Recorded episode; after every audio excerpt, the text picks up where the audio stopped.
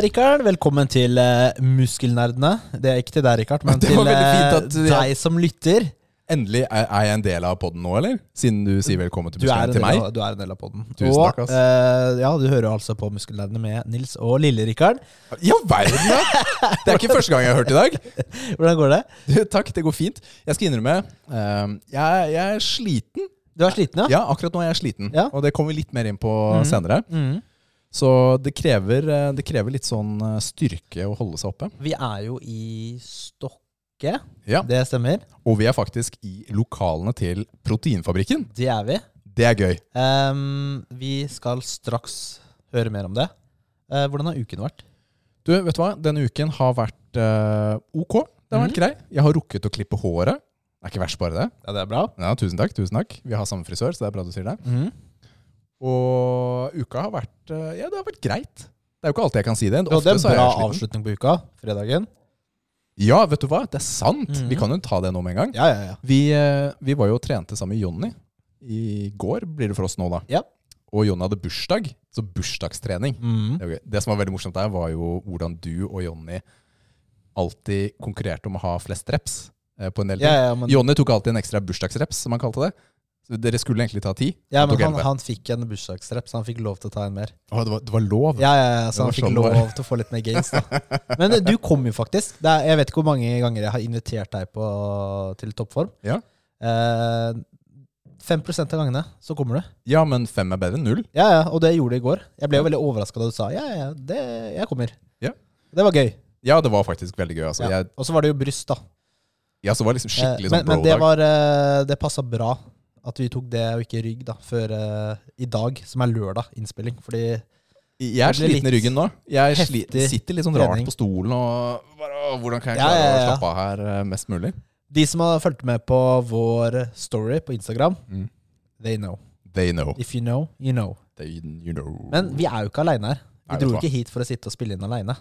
Nei, vi kom hit for å rane Proteinfabrikken. Ja. Det var det vi gjorde. Velkommen! Nå kommer det gjest. Ikke hvilken som helst gjest, men en supergjest! Woohoo! Velkommen. Halla. Det var tidenes jingle. Ja. vi kjører litt sånn Mario-fil Ja, nydelig. eh, på det. Du, velkommen til oss, Egil Takk. Berli Takk. Johnsen. Takk. Hvem er, hvem er du? Dette, vi liker å stille det ukomfortable åpne spørsmålet først. Hvem er du? Hvem er du? Det er jo veldig åpent, men du klarer jo sikkert å fylle inn det. Ja, er jo en bygdegutt som har rota meg til sentralt Østlandet. Mm. Um, med stort hell, må jeg si. Um, det har vært en, eh, det er en fryd. Uh, jeg er en seksbarnsfar um, med forsvarsbakgrunn og kriminalomsorgsbakgrunn. Som eh, plutselig fant ut at den beste delen av både Forsvaret og kriminalomsorg og operativitet er menneskene. Ja. Så det å jobbe med folk og salg og messer og konkurranser og utøvere og sånn, det er livet. Det er gøy, altså. Mm. Så mm, gikk fra den tøffe, harde skolen til mennesker. Kan, jeg, jeg har bare lyst til å legge inn sånn på siden her, fordi jeg vet jo hva du har fagbrev i. Ja. ja. Skjold og batong. Skjold og batong. Det høres så dritkult ut. Det er ikke kødd engang. Ja. Meget bra. I mappa mi nede på kontoret, jeg har en sånn backup-mappe hvis de skulle miste jobben en dag. Mm. Der ligger det faktisk altså sertifikat på batong. Du vet hva, Det er så utrolig gøy. Det, kan, det eh, er måten det veldig sies narrow, veldig, veldig smalt felt. jeg hadde faktisk batong i Forsvaret. Sånn Ja. teleskopbatong. Ja, ASP. Ja. Mm. Det, jeg brukte den aldri. Men eh, hvor vanskelig er det å slå med en eh, batong? Em, det er fryktelig vanskelig å slå med en teleskopbatong uten å forvolde stor skade. Mm, ok, Jeg ja. har sånn metallklump på enden. vet du. Så, Ja. Det helt så det siste drapet på en fengselsbetjent i Norge, det var en betjent som ble slått i hjel med sin egen batong av en innsatt som ikke kunne bruke batong. Og hadde han visst hvor farlig den batongen var, så hadde han jo ikke drept betjenten. Mm. Så Så, det, det er, okay, så det er mer for å kurset i ASP-batong er for ikke å drepe Ja. noen. Hvor- Hvor skal du slå? Når skal du slå? Det er og Hvor hardt? Og, Og hvor mye skade gjør den? Den, den, den er ekstremt våpen. Ja. faen meg. Du, Det var ikke skjold og betong vi Nei, nei. skulle snakke om Nei i da, dag. men jeg var litt eh, nysgjerrig. Men, Men, ja. avsporing er jo fantastisk. Ja. Livet består jo av en uendelig rekke avsporinger. Mm. Du må bare velge hvilken du skal være med på. Du, det, er, det er så mange ting i bioen din som jeg har lyst til å prate om, Egil. Ikke sant? Fordi du nevner du er seksbarnsfar. Mm. Du eier et gym. Mm. Du er eh, leder i Proteinfabrikken. Og det er jo mannen til Kikke. Og, det, og ikke Det må vi jo selvfølgelig si. Det er mannen jo, til Kikki. Som vi hadde som gjest i høst. Internasjonalt sett så er jeg kjent som, som Kikkis husband. Mm. Det står på de tøyet jeg får utlevert på konkurranser og sånn, så står det aldri navnet mitt. Ja, så der er hun kongen. Ja, Ja. ja. ja, Når, vi, når vi drar på VM, og det er liksom 60-70 mennesker som kjenner henne, så må jeg bære bagen og gå bak. Ja, ja, men det er bra støtte, da. Ja, fantastisk. Ja. Det, det er veldig morsomt. Um, blant annet så har jeg så notert eh, Vikinghøvding. Ja. Ja, er- Høvd- Høvding er et av Norges største vikinglag.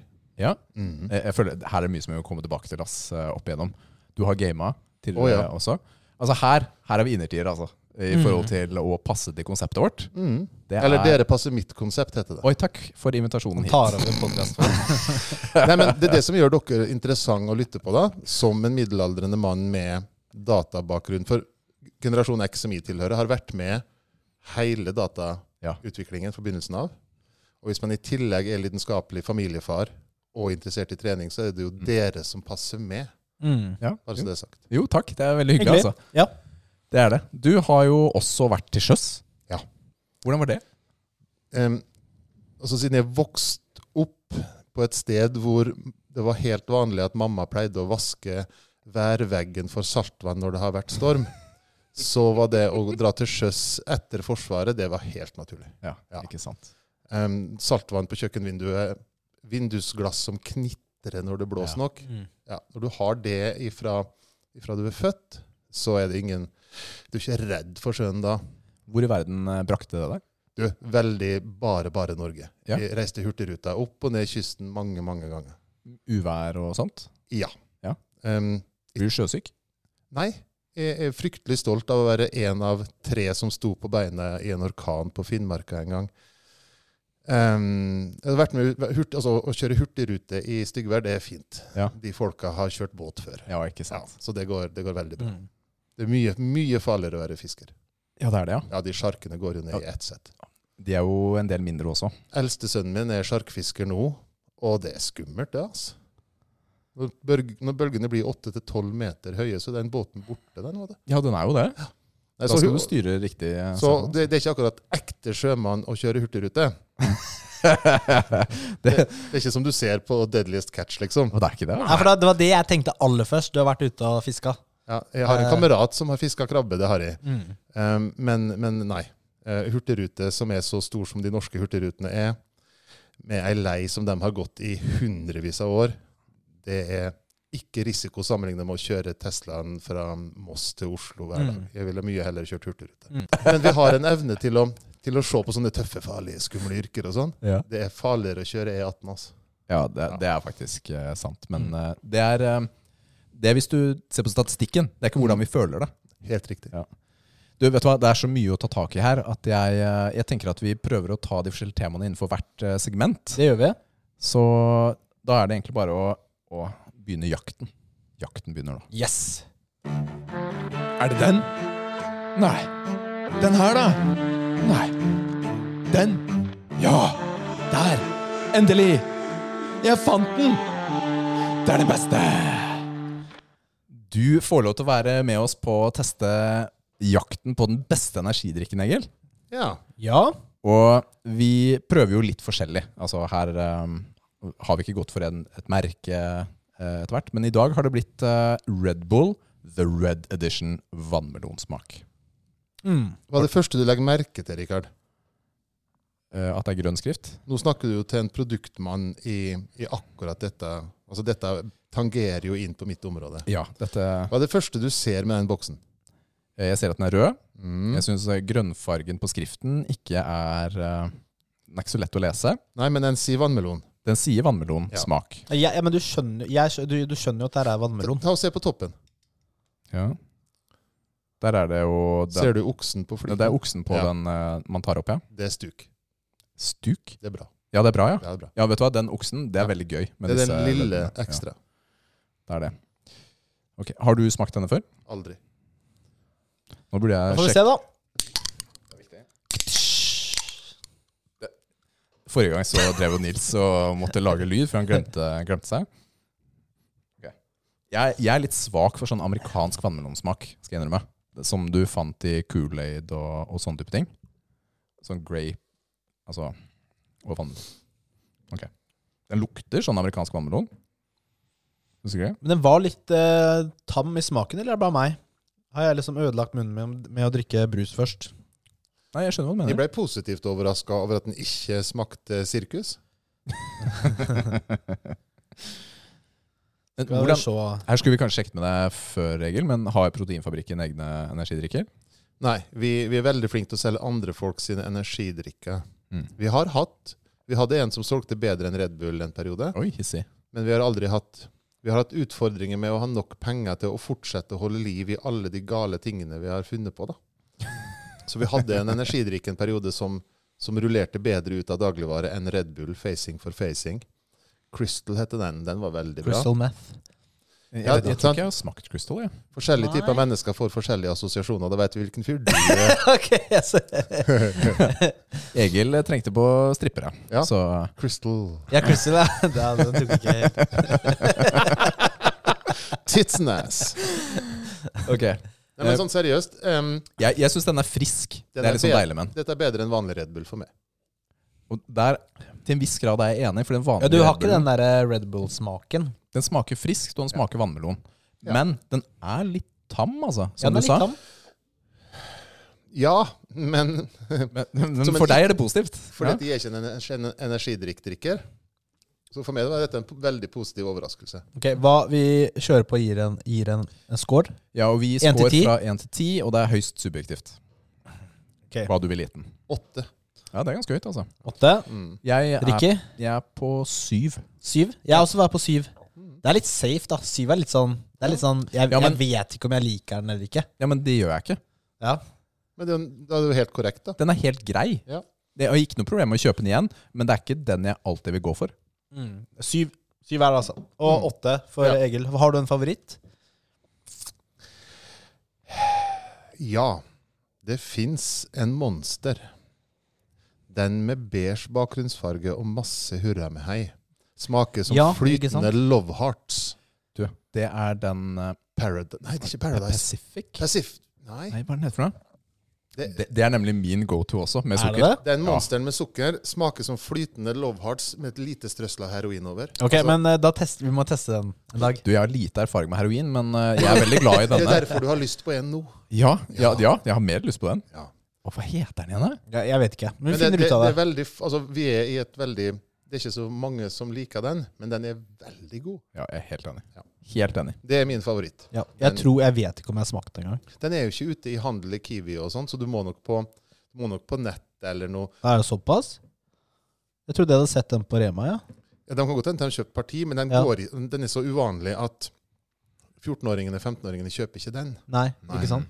De, de kjøper Mango Loco og de, mm, de som har vært litt mer reklamert for, og Ja. som kommer med, med sjokkselgere, og som er pusha. Mm. Den her er aldri pusha.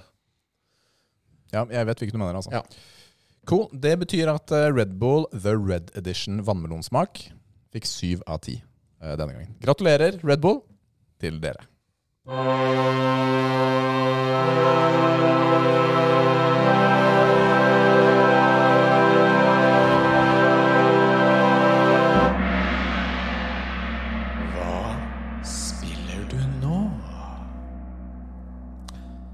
Da er det jo over på spilldelen av podkasten. Og Egil, du har jo eh, Før vi går litt inn på bakgrunnen din når det gjelder spill og PC-spill, Mm. spiller du noe i dag?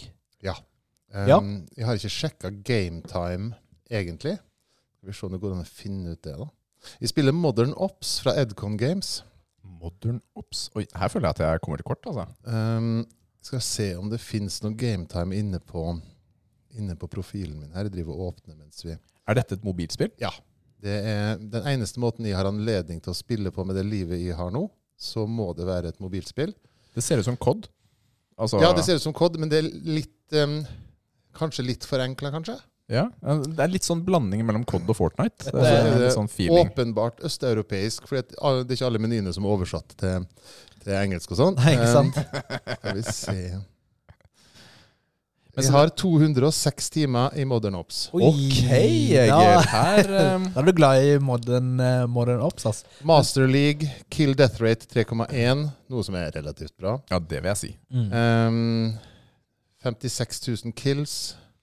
56 000 kills? Men det er, er, det, Bots, eller? er det Um, PVP, eller er det altså det, det er jo first person shooter, men det er jo online multiplayer. Og så spiller mot andre spillere? Ja. Eh, og så tror jeg det at jeg har 18 000 kills med hagle. Um, 20 000 med AK-47. Altså, Sniper. Jeg har 1700 kills med sniper. Um, Hagle var greia. Pumpehagle Det var greia. eller, eller sånn hagle med trommelmagasin. Oi, oi, oi. Ja, Se her, ja. Du- Nei, men eh, altså Mobilspill, det er en fantastisk adspredelse. Om det er på flyplass, tog, mens du venter på Teams-møtet skal starte, Ja. um, når du er på do, ja. For du kan komme i gang ganske raskt, antar jeg, på dette her. og når du venter på at ungene skal komme seg ut døra, komme seg på skolebussen. Mm. Ja, det er easy quick fix. Hver kamp tar fire-fem minutter. Mm. Du får det en kamp før skolen begynner, og du Ja. får det en kamp eh, Ja, nei, det Imellom, ja. For meg så har dataspill fungert slik. Det er fullstendig tune out. Mm. Det er Deilig, da. ja, nydelig. Men dette er, er det free to play? Eller må det kjøpes i butikken? Nei, dette er nok free to play, og så kan du velge å bruke penger på upgrades. På kosmetikk og sånt, da, eller? Nei, det er nok eh, performance Det er litt og performance her også, ja. armor og våpen og ja. Ikke sant? Det har kanskje gått en krone eller to, da. Det- Sånn er det ofte på de free to play-spillene. De må jo tjene inn pengene sine på en eller annen måte. ja. Jeg har ingen dårlig samvittighet for å bruke 249 på en, eh, på en health pack som varer med en måned. Det Mm. koster det, altså. Ja, men ikke sant, Med tanke på den tiden du bruker, og det det gir deg tilbake. Det er jo det man skal Nettopp. vurdere. Og to, hva får du for 249 i dag, da? Gå på Eh. byen, gå på byen med, en kompi, eller med kona, og så prøv å se hva du får for 249. Ja, det er forrett, det. Til én. Ja, du får hengt fra deg jakka i garderoben. Ja. Ja, og to Jeg dekker ikke parkeringen, i hvert fall. Nei, sant? Altså, så, eh, den derre Det å være Å ha et prinsipp på ikke å betale på mobilspill, det er bare tøys. Ja, det er tøys. Her er vi enige, altså, Ja. eh, på det. Jeg eh, har Men uh, hvis det er Candy Crush og sånne da, spill Da kommer jo min Candy Crush-rasisme inn, da. Ja. Men hvis det gir det like mye glede som Modern Ops gir med, så skal jeg gi det det at du kan bruke penger på Candy Crush. Dette er ikke noe oppfordring til deg, Nathalie, altså kona mi, om å bruke penger på de spillene dine. Men, sånn men helt ærlig, hvis vi, hvis vi bruker det som premiss her, det at det gir det et utbytte og en flukt, og at det gir det glede, så skal ikke kvaliteten på spillet gjøre om du får lov til å betale litt for det. ikke? jeg, jeg skjønner hva du sier. Jeg, jeg Bare, bruk, bare bruk det her moten, Nathalie, så mye du vil. Du kan, ja, Nathalie, kan ikke du stille noen spørsmål til Nils om hvor mye han har brukt på spill i det siste? Nei, vi trenger ikke gå inn på det. Hvor mye koster den gaming-PC-en, Nils? Jeg trenger ikke gå inn på det Hvor mye Ja, koster podkastutstyret ditt? Nils? ja, det, har jeg jeg ikke. finansiert halvparten av, da. Ja, ja. Oi, Nei, men, ja, men det har du spilt uh, Da kan vi gå tilbake til deg, Egil. Men jeg liker hvordan denne poden dreier seg nå mot deg. Nei, men altså, Det er du, så altså Dette er jo et med eh, FPS, da, First Person Shooter. Mm. Eh, og du nevnte jo blant annet eh, Unreal Tournament og CS Ja, 1.6, eller? ja selv, selvfølgelig 1.6. Ja. Er jo nymoderne. Ja, ikke sant? Som eh, du har spilt tidligere. Men, men etter, at dere spu, etter at vi fikk vite at de skulle hit, da, Mm. og jeg bare blørta ut Unreal og 1.6 som, Jeg husker ikke om vi skrev det på en melding. Eller Ja, det var på en melding, ja. Så har jeg jo kommet på et sånt flere år tidligere spill. Det jeg ikke har greid å finne, Mm. er hva jeg spilte på VIK 20 den gangen. Hva er VIK 20? En gang til. Hva sa du nå, Nils? Hva er VIK 20? Det er til lytterne, Egil. Ja. Det er til lytterne. Vi har googla det allerede. Å, du vet det, ja. Ok. Jeg trodde, jeg, jeg trodde faktisk du ikke visste det. Jeg, jeg, jeg visste ikke det. Nei. Okay. Jeg, jeg, jeg måtte google det. VIK 20 er den som kom før Commodore 64. Ja. Mm. Um, og der greier jeg faktisk ikke å huske hva Jeg, jeg har til og med vært inne og søkt diskografien på spillene som lå på, Men jeg greier ikke å finne ut hva jeg spilte på VIC20 og Commodore 64. Mm. Jeg har greid å funne hva jeg spilte på de første Super Nintendo og N64 og sånn jeg, jeg var borti. Ja, vi kommer dit Ja, eh, straks. det, det husker jeg. Men det eldste spillet jeg kan huske å ha spilt som hadde et navn, det er Prince of Persia. Mm. Oh, Og er var, og det var det mens det var oransje og grønne dataskjermer. Og det var før jeg spilte med andre Da måtte du ha en ergometersykkel og gi strøm til. Altså det Ja. var, Du måtte gjøre opp ild under monitoren for å varme den opp. Men VIC-20 den kan man kjøpe en eh, modernisert versjon av nå på Elkjøp til en tusenlapp. Ja, det er fantastisk. Har du Nei, jeg har ikke gjort det. Eh, fordi at igjen, mitt liv har ikke rom til å sitte foran TV-en. Nei, det er fair. TV-en hos oss brukes i- Av noen andre? Nei, det, absolutt ikke. Men, men jeg og Kikki ser en episode med en eller annen serie hver kveld sammen. Det er Mm. den tida vi har. Ja. Mm. Um, Ja, ikke Det høres ta- jo kjent ut, det. Det er ganske kjent. Det er ganske kjent. men jeg har ikke lyst heller til å sitte og spille foran TV-en. Når jeg er hjemme, så er jeg, f- jeg er fryktelig glad i å være hjemme. Mm. Men det er på alle mulige andre ting i livet som har dødtid, da. Da er det deilig med headset og bare gå inn i Modern Ops og skyte et par folk altså, som ikke venter det. ok, Super Nintendo har du vært innom også, og vanlig Nintendo kanskje? Var det noen favoritter? Duck Hunt. Duck Hunt, ja. Ja, Det var gøy. med, men du måtte ha kittet, da. Du måtte ha Du gunneren. Du ja. Mm ja. Nei, Prince of Persia spilte jo på en, en gammel PC med Windows 3.11, hvis du husker det. Men du Jeg hadde det også. Hadde jeg hadde jo DOS-PC. ah, Ja, ja, ja. Jeg hadde en eh, Jeg fikk min første egne PC da jeg var åtte. Det var en Oh. eh, Brother 286 med 23 MHz, eller hva det var. 286, det var jo Hadde du ram i det hele tatt? Fire 4 megabyte? det var, To- to ja, det var noe sånt. sånt. Det var to eller fire, ja. Nei, uh, Starcraft, da, men det var også litt seinere. Mm. Men Unreal og Starcraft og, og CS var jo da Det var en god gamingperiode i livet, det, altså. Ja. Mm. Og Unreal Tournament var jo en For meg så var det en stor sånn åpner inn i inn i first person shooter, altså hvor du ikke var på arcade-skyting, men hvor du faktisk kunne bruke taktikk. da. Jeg har faktisk en lignende opplevelse med det. Jeg spilte Jeg hadde ikke en PC da som kunne klare disse spillene selv, så jeg var alltid hos en nabo, Marco, eh, og spilte hos han. Og var hver dag hos han og spilte Unreal Tournament online. Så det var gøy. Det var good times, altså. Ja, det er Unreal kom vel i 99, Det stemmer. Mm. cirka? Ja, eller nøyaktig. Da hadde jeg gått over til uh, Det er det samme som CS, kanskje? PlayStation-systemene. Ja. Det var i samme, samme perioden Unreal og CS16 og sånn, ja. Mm. Var det. Og så, på Nintendo, da, så var det jo James Bond. Ja, 07, det Ja, var fint fett. hvor du hadde den der lille joysticken Mm. Ja. oppå handsettet. Og altså måtte du styre kamera med de der Ja. gule knappene på sida. Ja. Og så har de spilt Grand Turismo, tror jeg, på Ja. Super Nintendo. Eh, PlayStation, tenker jeg da. Det er godt mulig det var en PlayStation. Mm. Nei? Ja, Grand Gran Turismo har bare vært der. Ja, da er det ikke Grand Turismo. Da er det et av de bilspillene som var på en Super Nintendo. Ja, kanskje det var F-Zero? Nei. Eh, Mario Kart? Nei, jeg bare husker at jeg og naboen som hadde mer penger enn meg, um, hadde en eller annen konsoll. Jeg er nesten sikker på at det var en sånn eh, At det var en Nintendo-konsoll. Altså. Mm. Men det var ikke den med, med joysticken på. Nei. Anyway, bilspill, James Bond, og så det som begynte å ta over for, for CS og Unreal og sånn etter hvert, var Rainbow Six Rouge Spear. Ja, Ja. du, den, den spilte jeg ikke selv. Men jeg hadde et par kompiser som spilte det. altså. Der måtte du løse oppgaver taktisk og lede et team og litt sånn. Så det, det var en veldig bra precursor til, til Call of Duty. Ja. Kult. Ja. Det har blitt eh, litt opp igjennom, altså. Har det vært noen noe konsoller i de siste generasjonene? Altså noe PlayStation eller Xbox eller Nintendo? Bare på barna. Bare på barna? Ja. Da har de vært oppom av og til og, og gitt dem litt juling i, i bilspill eller skytterspill, og så har de gått ned igjen da, for å vise dem hvem som er helst. Pappa kan det fortsatt? Ja, kan det fortsatt. Det, det, er, eh, det er bra. Vi kan jo stille det spørsmålet. Hva tenker du om barn og gaming i dag? da? Jeg syns det er en fantastisk reklame som går på TV nå. Om en far som løper ut på fotballbanen mens dattera spiller jentekamp, type jenter 12, og tar tak i jentungen som er midt på fotballbanen og drar med seg inn, for nå skal vi spise middag. Du gjør jo ikke det når ungen din spiller fotballkamp. Man gjør ikke det? Og du gjør ikke det når ungen din sitter og spiller dataspill heller. Nei. Så når jentungen min er midt i en mission i World of Warcraft, og middagen er ferdig, Mm. da får hun spille ferdig. det? Det jeg opplever, er at eh, det handler om å gi litt god tid. Men ok, Og bare for å kontre litt her nå, da. Ja. Hva om eh, Altså, du har gitt beskjed til eh, ungen din at middagen er klar klokken fem. Uh Da må du være klar. -huh. Eh, og så begynner de på et eh, raid eller dungeon i et Ja. spill. Da snakker vi om det etterpå.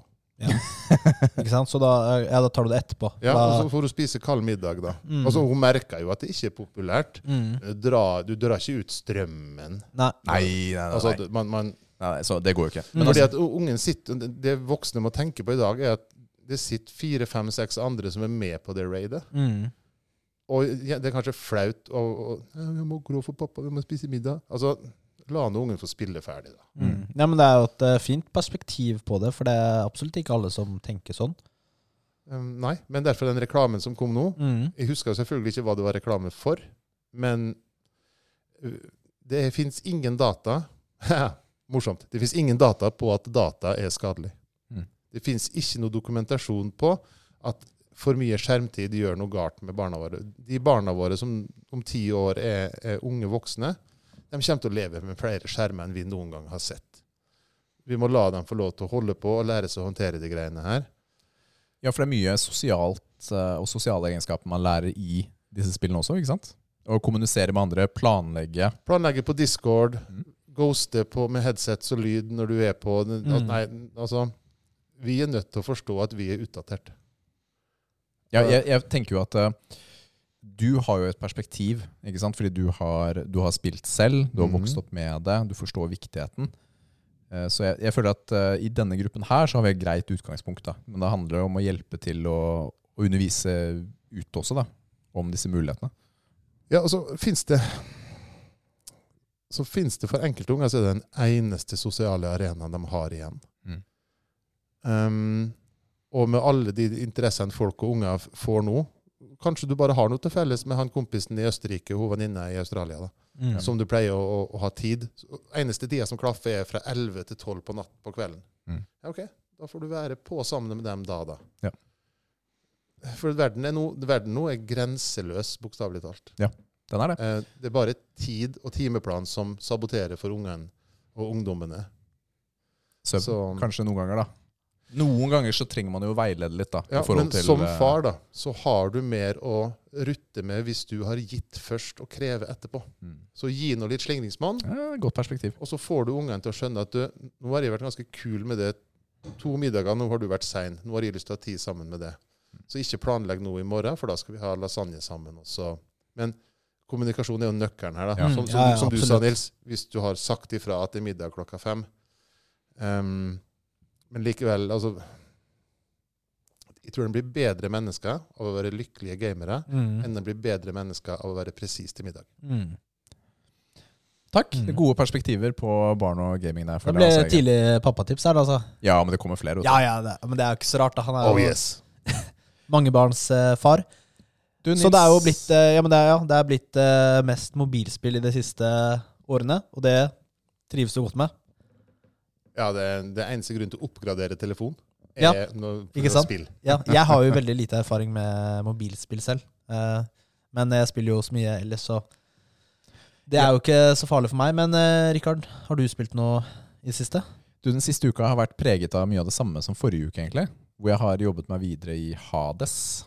Uh, og prøvd å vinne over selveste Hades, rett og slett. En Ja, liten, Hvordan gikk det? Eh, han tok meg. Igjen. Ja, Jeg har jo møtt ham flere ganger. Mm. Men uh, det som er med Hades, er at det er jo, det er jo en del tilfeldigheter. Du bestemmer jo ikke selv hvilke ekstra uh, abilities, som vi skal kalle det, du får opp igjennom. Du får jo ofte et valg mellom det ene eller det andre. Men noen ganger så har du et run hvor du får noe som er epic, da, eller heroic, noe som er veldig sterkt og kraftig, hvor du har en bedre sjanse til å klare deg og komme videre. Men eh, jeg opplever at det er gøy fortsatt. Jeg koser meg. Jeg husker at eh, jeg lurer på om jeg hadde en eller annen evne som gjorde at jeg uh, heala underveis. Ja, du Og det kan, hjalp mye på han, fordi eh, han er jo utholdende. Og da er det greit å liksom, Den varer jo litt, den kampen. ja, og med mindre jeg eh, Altså, det, er, no, det blir litt spoiler her, det får bare være. Men altså, han, eh, han er en sånn klassisk boss hvor han har to sett med liv. Og nå sist så var jeg på siste og bare en tredjedel igjen. Mm. Så jeg skjønner jo at dette kommer til å gå uh, etter hvert. Jeg trenger bare å være litt mer tålmodig. Det var det som, uh, som var Ja, for du skjønner jo hva han gjør. Du må Ja, bare sist være så- tålmodig. Ja. Ja, Sist så tok jeg et par unødvendige risikoer, og han er veldig sterk, så han Mm. tar så stor andel av livet Ja. ditt hver gang. Men nå i tillegg da, så har jeg kjøpt meg et par sånne Hva heter det nå? Death Defy eller noe sånt. Altså hvor du kan eh, Hvis du dør, Mm. så kommer du tilbake igjen. Ja. Jeg har fått en ekstra, jeg har fått den siste nå, som gjør at du har tre. ikke sant? Og hadde jeg hatt det nå sist, så hadde det gått. Mm. Så dette er jo sånn oppgraderingsspill, og det er mye tilfeldige dungeons og sånt, eh, Egil. Men i tegneseriegrafikk Og jeg syns det har vært gøy. Og så har jeg spilt uh, Fortnite med barna, da. Det det. Så jeg har liksom ikke prøvd noen nye adventures denne uken, egentlig. Jeg Nei. hadde jo håpet å være ferdig med Hades til i dag. Det var jo planen min. Men de tre runnene jeg tok i går, gikk ikke. Mm. Jeg skal ikke gi deg noen eller si noen spoilere. Nei, selv om jeg gir sånn halvspoilere. Men det kan godt Nei, men Det er liksom ikke Det er ikke spoiler, det du kommer med nå. Nei. Føler jeg, da. Men jeg, det er fortsatt gøy med historien. Man har litt sånn oppgradering underveis. Og jeg føler det det spillet gir, i forhold til en del andre type sånne roguelikes, roguelites, er at eh, jeg føler progresjon underveis. Selv om Mm. du starter tilbake på start, så er det likevel litt progresjon. da. Har, nå har jeg litt mer liv, litt mer ekstra, som det går bedre neste gang. Det går jo også an, har jeg funnet ut, da, å sette på noe som heter God mode. Som gjør at hver gang du dør, så får du fem 5 eller 10% mindre eh, Mister mindre liv da, hver gang. Så til slutt så kan du komme deg gjennom spillet uansett. Det er så alle skal få kunne oppleve å komme til endgame. Spørsmål. Hvor lang tid tar en av disse forsøkene mot HDS? Mm, time. Ok. Tar det så lang tid å Se for deg at kona di da kommer inn og krever at du skal komme og spise ostesmørbrød Ja. når du er investa i den timen der. Det, det hadde vært litt kjipt. Det har det, altså. Og Og, og hvorfor er din tid mindre viktig enn barna sine? godt poeng. Nei, jeg, jeg mener det er helt alvorlig. Altså, Ja, ja. For jeg ser på det når du snakker om det her, at du nyter jo. Ja, ja, det er kjempegøy. Ja. Kos meg. Ja. Så, men heldigvis så har jo jeg denne forståelsen for mine egne barn. Ja, ja. Så- Men til de som hører på også, Ja. det, det er faktisk Ungene sin spilling er ikke tull. Nei, det er det. Dette er det de elsker. Og de er kanskje enda flinkere til å bygge en sosial arena rundt det enn det vi er. Ja, vet du hva? Det er jeg helt sikker på, faktisk. Mm. Når jeg ser min syvåring, Timmy, spiller Roblox Det er et spill jeg Ja, det er et spill jeg ikke har uh, noe kjennskap til. Jeg er også litt Jeg jobber med meg selv, for jeg har litt liten forståelse, men jeg har ikke stoppet det. Ikke sant? Så han fortsetter å spille. Men det som er så gøy der, er at det, han har ikke sånn smarttelefon eller noe sånt ennå. Så det han gjør, er at på skolen så snakker han med Noah, for eksempel, en kompis, da. Klokka seks og klokka sju så møtes vi i det spillet. Og så gjør de det! Ja. Og de har ikke noe chatfunksjon helt enda, fordi akkurat der har jeg ikke løsna. Jeg syns han er litt ung eh, for fremmede. Eh, men eh, det er veldig gøy. Så da møtes de i spillet, de bytter, de kommuniserer litt, altså skriver litt. Og så er de eh, Det det er kjempegøy, da. Og han, han er sju og legger opp til online-spilling selv. Sju år! Men sånn helt seriøst, du og faren til Noah kunne jo da ha kjøpt to gamle iPhone 6-er og kjørt opp et par headset, så kan de ghoste og snakke på, på FaceTime-lyd mens de spiller. Ja da, det er riktig det. det er riktig det. Vi har jo på um, Her er det I Fortnite, Mm. som er et annet spill som han og de andre spiller, der har vi headset og snakker med hverandre, og de andre, Ja. uh, hvis de er med. Så det har litt med plattform å gjøre. Så dere intervjuet med Aksel Hennie hvor han gikk i forsvar, ikke i skyttergrava for spilling? Ikke sett den. Det er verdt å se. Jeg tror det er Lindmo som har et intervju med Aksel Hennie hvor han forteller hvor viktig det er for menn som har utfordringer med å snakke om ting. Når du da kan logge på et spill Du sitter kanskje som Norges mest kjente skuespiller da, og har ei tøff tid. Du har ingen å prate med. Mm. Så er det, korona, det var spesielt under korona når Aksel fortalte om det her. da. Så logger du på, og så skal du raide et eller annet i et eller annet skytespill, og så er det litt sånn tomsnakk av de to minuttene mens jeg venter til alle kommer på. Mm. Så får du lufta litt, da. Ja. Ingen i andre enden vet at de satt og snakka med Aksel Hennie som var deppa. Nei, Men for han sant. så var det blodviktig Ja. Mm. å ha en annen stemme i øret som Ja, det har jeg også opplevd. Så vi skal, vi skal ikke kimse av den, eh, den sosiale kontakten i spillverden. Nei, virkelig ikke, altså. Virkelig ikke. Men jeg, jeg tror du har rett, altså. For jeg ser, eh, jeg ser barna mine er mer proaktive og inkluderende i forhold til både fremmede eh, og folk de kjenner i chatten. da. Så der har du og jeg noe å jobbe med, Nils. Med å inkludere fremmede i chatten vår. Ja, eller flere andre også, da. Hvem andre spiller du med enn Jonny og meg? Ja, ok, Ja. Da har vi det svaret. Ikke sant? Jo, jo, men vi skal bli, ja, ja, ja, Altså, jeg er åpen, da. Men det er det, Nils er så jævla dårlig på navn. Altså, jeg er åpen, men uh, jeg liker jo gjerne å Hvis jeg skal spille et spill, så må jeg jo committe litt, da. Tid. Uh, og sånn. Jeg liker å kjenne folk først, jeg. Ja, men det, det er det som vi nevnte i stad. Rikard er jo den som snakker med folk på gymmet. Jeg, jeg har jo headset på serie Girl, liksom. Ja. uh, Ja, så de, de ekstra Nils møter, er de jeg har tatt med inn. Ja, ja. Takk for det, Det er Trygve, Kevin, Jon Eirik osv. mye får da kommunen med å henge med meg, av. Ja. Men det er jo derfor Nils gidda å være sammen med deg. Ja, fordi han får noe nytt Ja, ja, inn i livet sitt. ja, ja. Du Nils, hva har du spilt denne uken? Jeg har jo eh, Nei, jeg husker vi snakka om Destiny forrige uke, og Ja. jeg, jeg tok jo det tipset ditt om å gå på GamePass. Mm. For der sa du Destiny var. Og alle utvidelsespakkene Var der fortsatt? ligger der også gratis. Vi har jo lasta ned alt der. Eh, og jeg har veldig, veldig lyst til å begynne med Destiny igjen. Ja. Eh, og, men jeg må bare flytte over til eh, eh, karakteren min fra Steam til GamePass. Fem minutter, alt det tar. Ja, det er, jeg må sjekke ut liksom, Kan man gjøre det så mye man vil? Fordi når Bungie har en fullstendig sånn der frequently asked questions. Ja, Den er veldig god. Ja. Veldig klare instrukser på hva du kan, kan ikke. Så det er bare å sjekke den. ja. Fordi eh, jeg har jo også lyst til å eie eh, Witch Queen. Jeg, Eller det må jeg jeg, jeg tror ikke vi har noe valg. Nei, det må jeg uansett. Men det er jo og også kanskje da Beyond Light, uh, den ene utvidelsen. Fordi jeg vet ikke om jeg vil være låst til GamePass hele tiden.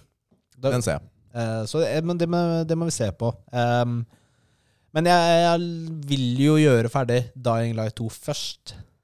Før jeg går inn Destiny. Ja, det er fair. Så jeg har jo fokusert på det. Og jeg må si, jeg var kanskje litt negativ forrige gang, men det spillet har vokst på meg. Jeg er, uh, syns det er eh, morsommere nå. Mm. Eh, jo mer jeg spiller. Eh, så Dying Light Eagle er jo et sånn eh, postapolyptisk eh, zombiespill. Hvor du eh, løper rundt i en by med, og hopper rundt av parkour og Ja. slår zombier med Hjemmesnekra våpen. Ja. Hjemmesnekra slagvåpen. Blunt force trauma.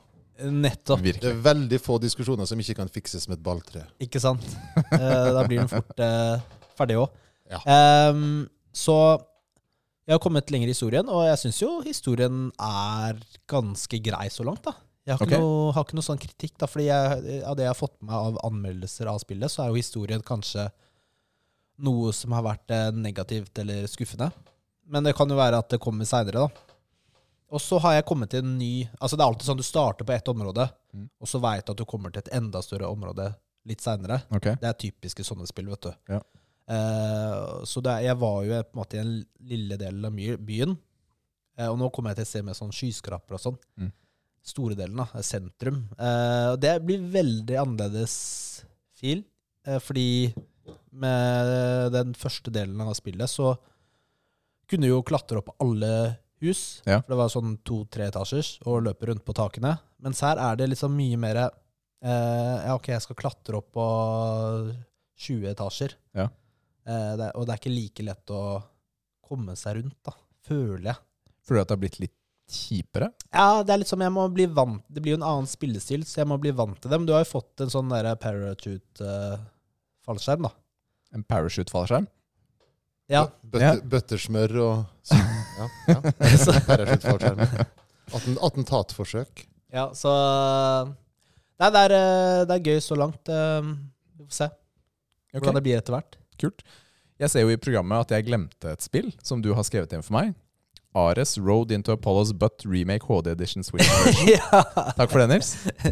det, var det, det ligna jo på Hades, er det ikke det du spiller? Ja, det er sant. det er Ja. Ares, ja. ja Jeg veldig alltid å skrive inn i programmet eh, at Richard spiller sånne Ganske voldsomme spill. Ja. ja. Det er good. Har du noe mer du har lyst til å legge til, Egil, på, um, på spillbiten? Nei, egentlig ikke. Vi har vært innom det som er poenget med spill. Adspredelse. Ja. Og så har barna nå til dags, og ungdommen nå til dags, har dratt inn det sosiale. Og det trygge, det å kunne sitte hjemme og være sosial med andre. Og det å kunne slå av når du vil. Nei, Så, så vi, vi har vært innom det så Vi skal ikke, vi skal ikke koke mer suppe på den. Men det er, det er en veldig gøyal ting du sa, fordi i starten så sa du at du en gang imellom kommer opp, og så kick their ass. Du er med dem og Ja. spiller også. Man må vite at uh, Altså, det er en fantastisk, fantastisk hendelse. Jeg var og kjørte tur med de to eldste fosterbarna mine for noen år siden. Akkurat noen hadde gjort en, en remix, eller en cover, av, um, av Fast Car med Tracy Chapman. Ok. Og Maria ville at jeg skulle spille Fast Car. Mm. Så vi satt jo på Fast Car. Men de satt jo på Tracy Chapman-versjonen. Den vanlige, ja. Oi! Er det, noen, er det flere som har laga noe av den? sier Maria. Nei, Maria, det er dette som er Fast Car. Ja. Den du har hørt på radioen, det er remaken. Dette er den originale. Så det, det er veldig gøy å, å være på besøk hos, hos kompiser som har barn som spiller CS Source, f.eks. ja. Og så spørre om de ikke har Dere har ikke 1.6, da, så kan de få bli med. Altså det å At ungene skjønner at vi har, vi har levd, vi òg. Ja, vi har det. Mm. Nå er det faktisk uh, CS uh, Global Offense Go som er uh, versjonen de spiller nå. Ja, de får bare holde på. Ja. Jeg, jeg ser jo på e- e-sport E-sport så er det jo den versjonen som går. Ja. Det ser jeg jo. Men, men, og der ville jeg blitt overkjørt. Men putt oss tilbake på gode, gamle 1.6, og, og la oss finne de gode, gamle snipersplassene. Ja. Ja. ja. Ja, ja, ja. Digg. Vi går videre over til pappatips. Pappatips. All right, her Egil, bruker vi å invitere gjestene våre til å komme med et pappatips. Men jeg tenker også at vi skal, vi skal snakke litt mer om familien din, Ja. hvis det er greit. Fordi det jeg syns er så spennende, som vi også snakket litt med Kikki om tidligere, er jo at eh, dere har jo egne barn og fosterbarn. Vi har egne barn, felles fellesbarn Ja. og andres barn. Ja, Ja. ikke sant?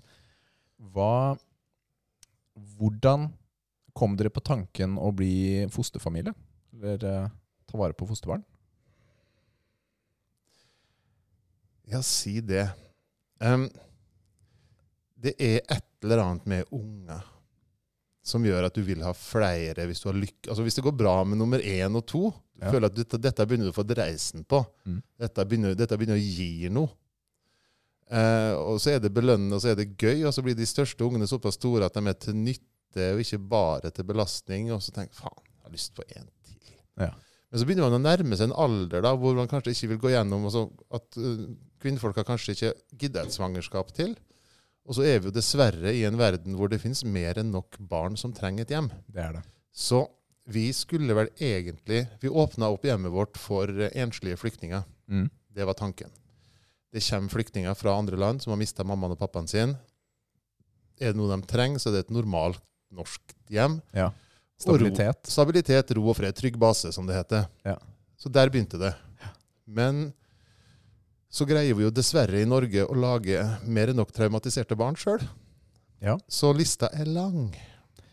Så det du sier, at det er, eh, det er åpninger for å bli en fosterfamilie? Altså om det er åpning Ja. Det er en forbaska misforståelse at det er nødt til å være blodsbånd mellom det og et barn for at dette skal gå bra. Mm. Det er bare en gammel, sånn romantisk myte som vi har lært oss til for å prøve å holde kjernefamilien sammen. At ikke folk, altså, I Før i tida så trodde de at du måtte ha religion for å ha moral også. Ja.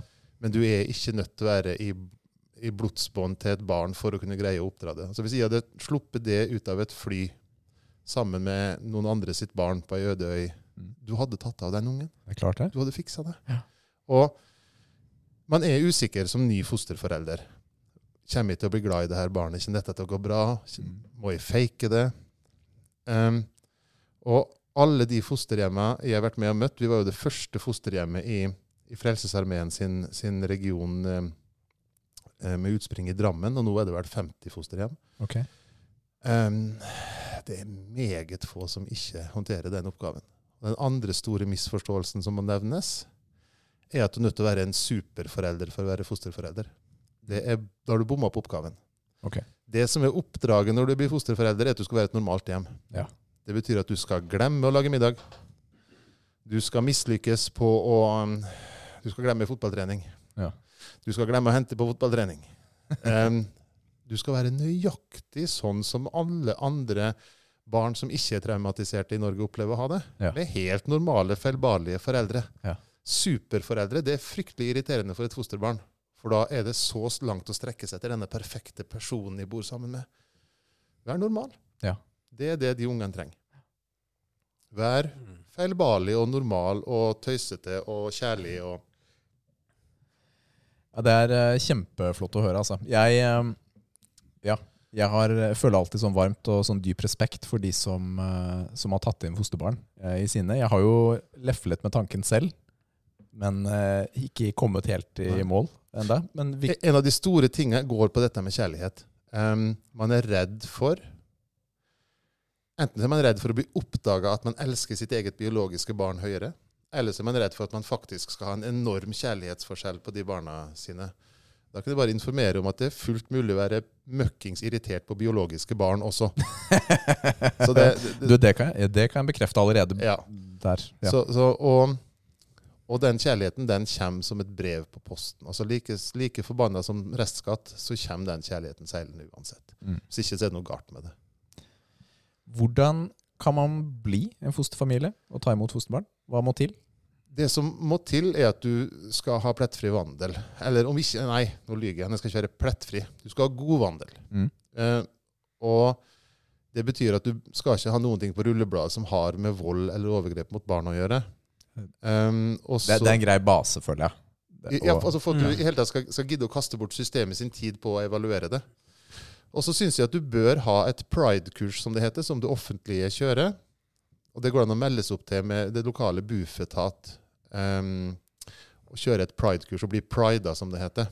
Uh, jeg var av den oppfatning at det trenger jo ikke jeg, er jo superpappa. Kan du forklare litt hva det er? Det er ti uker med helgesamlinger hvor de går igjennom alle de, eller mange av de tingene du kan møte på som fosterforelder. Um, og jeg trodde jo da jeg skulle bli fosterfar, at det holdt med kjærlighet og en gjennomtenkt pappatanke. Mm. Eh, helt ærlig, jeg trodde inni meg at det her er jeg med på for å få det på papiret. Ja. Men man trenger et pride-kurs. Ikke sant? Ja. De, de gir deg en verktøykasse, er det noe sånt? eller? Ja, altså, du får ei verktøykasse, og så får du en bekreftelse på at du trenger ikke være perfekt. Ikke sant? Så um, du bør ha et pride-kurs, men så kommer vi til det punktet hvor jeg mener at du ikke skal gå via kommunen eller fylket ditt eller Bufetat eller Da skal du gå til en privat organisasjon. Da okay. går du til Løft eller Fyrlykta eller Frelsesarmeen.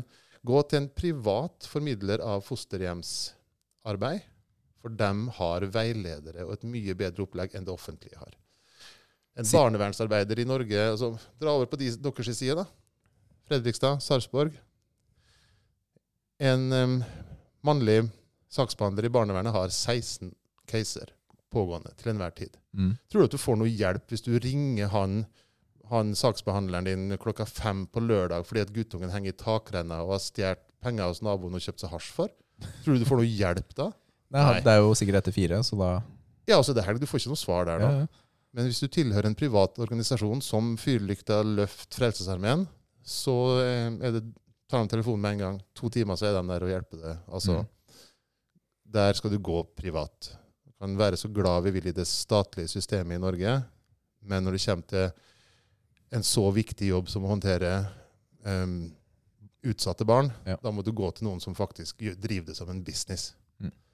Du kan si, altså, Nei. em, ja, ja, men det er fint råd. Tusen takk for det. Rammene det offentlige har, kjempebra. Men bruk systemet til de private når du skal Mm. bli fosterforelder. Det er eh, dessverre nok av saker å, å kunne bidra i, hvis man føler et overskudd til det. Så dette er jo Jeg syns dette er veldig spennende, og takk for at du ville dele litt Mm. rundt det. Mm. Hadde du også Du har jo gitt eh, oss mange gode tanker allerede. Hadde du tenkt på noe spesielt du ville dele som et uh, pappatips? Um, og det går på, går på øyekontakt. Um, og der går vi i ei felle. Og det er å snakke rett i øynene på hverandre. Hvordan da, mener du? Ok, Du er min 16 år gamle fostersønn, Mm. og du kommer hjem, og du lukter hasj. Ja. Hvis jeg er rett Nå ser jo ikke dere som hører på dette, men nå ser jeg rett i øynene til Rikard. Ja. Du, gutten min, jeg har jobba i fengsel, jeg kjenner igjen den lukta. Hvem har du handla hos, hvor har du vært, hva har du røyka? Altså, den konfrontasjonen Skjold og batong. Skjold og batong. Det er oppskrifta på at den gutten låser seg. Da. Ja. Da må du telle alle tennene på innsida. Da tar du tunga di, så teller du alle te overtennene dine på innsida av Ja, aldri prøvd. Så holder du kjeft. Mm. Lar du guttungen gå og legge seg. Så tar du og henger den jakka ut i garasjen. Så da neste dag, da Så Hvor er jakka mi igjen? Um, jeg hengte den i garasjen. Det lukta hasj av den. Helt stille. Mm. Så når du da skal kjøre den på trening, da, og begge sine øyne er retta fremover, så tar du praten. Ja. Em, når du skal dressere hund, så skal respons og reaksjon være umiddelbar. Hvis ikke har bikkja glemt hva hun har gjort. Ja. Men unger er ikke hunder. Nei, Nei. det er det ikke. Han vet nøyaktig hva han har gjort. Ja. Og du får ikke urøyka den, du får ikke avrøyka den røyken lell. Så vis den omsorgen at du har hengt jakka ut i garasjen fordi det lukter hasj av den, så ikke de andre merker det, så ikke f.eks. mamma merker det, eller hva som helst. Mm. Så tar du den praten ikke-konfronterende når begge to ser fremover sammen, ikke mot hverandre. Og da skal du ha tenkt ut Det hjelper ikke å si, du må spørre. Ja. Um, så det med Det må liksom være superstreng, superpappa. Du skal ikke være kompis, som ikke misforstår meg. Jobben din er å være pappa, Ja, ja. ikke venn. Du skal gi retningslinjer og Men de Videre. beste retningslinjene gis ved å stille de riktige spørsmåla. Sånn som hvis du, hvis du spør en unge hvordan har det vært på skolen i dag. Ja, bra. Ja, Veldig dårlig spørsmål. Men eh, hvis du spør hva Truls hadde på matpakka i dag, så Ja. får du et rart blikk tilbake. må man tenke seg om. Hvorfor spør du om det? Nei, for du hadde jo salami på. Hva hadde Truls på? Jeg vet da faen, jeg. Still noen andre spørsmål. Ja. Um, dette, med, dette med hasjen, da. Du må finne ut hvilke spør Hva er det du er interessert i? Hvorfor, for det første, hvorfor vil du konfrontere ham med den røykinga? Hva er Mm. greia her? Eh, Du vil jo ikke gi han forståelsen av at du syns det er greit, Mm. Men så vil du fortsatt være den personen han kommer til når han har dumma seg ut og For det er den balansen der, Ja. ikke sant? Mm. så du må stille de riktige spørsmålene, og da må du finne ut hvorfor du har lyst til å konfrontere den med det. Og da kan du spørre du, hvem i gjengen er det som skaffer den hasjen? For det er ikke noe spørsmål, du vet at den har røyka. Ja, ja, ja det, Så- så det det ingen- vet jo begge to. Det er ingen grunn til å spørre om du har røyka. Nei. Hvem i gjengen er det som skaffer det? Hvor får du pengene ifra? Skylder du folk penger du nå for i går? Mm. Så får du de svarene du, du får, da, ikke sant? Ja. Så må du velge Du må ha tenkt de siste ti timene så må du ha tenkt på hvor du ville samtalen skal ende. Ja. Og da sier du til han at du Casen er den at hvis jeg og du skal øvelseskjøre fra neste måned når du blir 16 av, så kan ikke du ha hasj i systemet. Hvis vi blir stoppa da, så mister jeg sertifikatet. Ja. Så du er nødt til å fortsette å feste med gutta dine, men du kan ikke røyke hasj. Ja. Det må du ta når du har fått lappen og har blitt voksen og flytta for deg. Ikke, ikke gjør det, for da, da fucker vi opp den lappen din her nå. Altså, du må finne en annen grunn. Du må grunn. finne en konsekvens som de forstår. Spesielt siden hasj er mindre farlig enn alkohol i samfunnet som samfunnsbelastning, så har du ingen argument lenger. Mm. Så du må finne ut hvorfor du vil at han eller hun ikke skal røyke den bønna på neste, neste helgefest. Ja. Og så må det være en grunn som ikke er teit. Som de kan forstå. Men du har også lov til å si at hos meg, i mitt hus, så har vi ikke narkotika. Mm. Det er en uh, gyldig grunn. Ja. Og så kommer han til å putte det i sekken som han henger bak uthusveggen istedenfor. Altså, men være en gyldig grunn, Ja. og så må du legge opp den samtalen litt smartere enn en sånn pitbull-pappa. Veldig godt Mm. tips. da, altså. Det startet du med øyekontakt. ikke sant? Ja, den er unngå, den. Unngå- unngå den konfronterende Ja. øyekontakten. For, for dette er en unge som bor hos deg, og han veit at han er der på av din gode nåde, hvis du skjønner. Det barnet her vet at det barnet, bar, Den 16-åringen vet at den kan ryke. Ja. Han vil jo ikke at du skal bli sint, og han føler seg som en failure allerede. og Du har jo oppdaga det, og du har ferska altså Alt er bæsj. Mm. Da skal ikke du putte mer bæsj i den posen.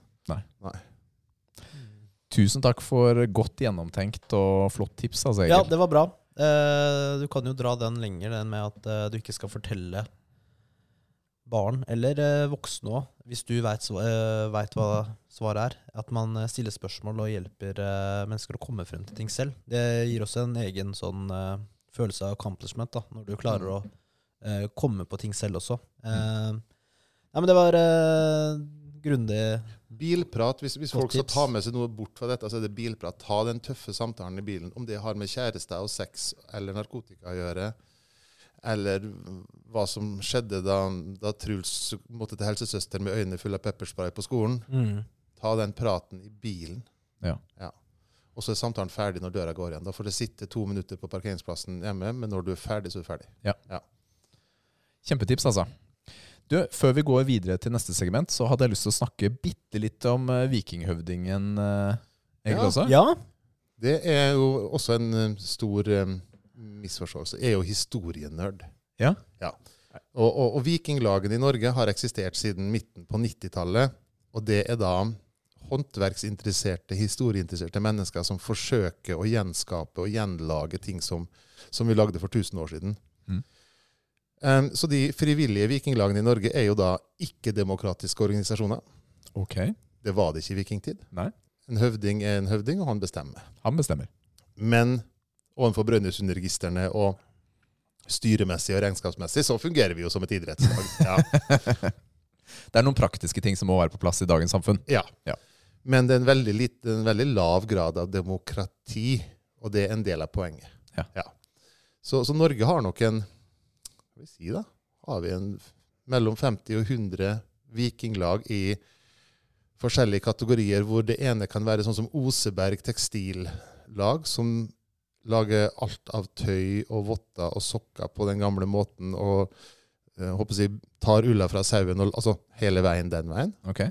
til ei kampgruppe som kan å slåss på den måten de sannsynligvis slåss på da, til ei båtgruppe som er med å bygge vikingskip og seile vikingskip. Um, Borre vikinglag, som jeg er høvding for, er et vikinglag som er mest basert rundt um, de funnene som er gjort her i, i Vestfold. De skipsfunnene og de gravfunnene som er gjort her. Og håndverk, stort sett. Veldig lite slåssing og sånne ting. Håndverk um, uh, lærerarbeid, smedarbeid. Mm. Men for min side så går det på det organisatoriske. Jeg er god til å arrangere og ordne og få ting til å flyte og få gjort det riktig. Eh, og så er jeg fryktelig glad i den teoretiske historien. Du har jo litt sånn viking-look også, føler jeg. Det er et eller annet Det har ja, jo blitt er mer etter at jeg begynte i, i Vikinglaget i 2014. Så har det blitt litt mer looken òg. Men jeg har ikke gått fullstendig sånn at jeg går, i, går med, Men med du har ikke fletta skjegget Nei, ja, og sånt? Der er vi ikke helt ennå.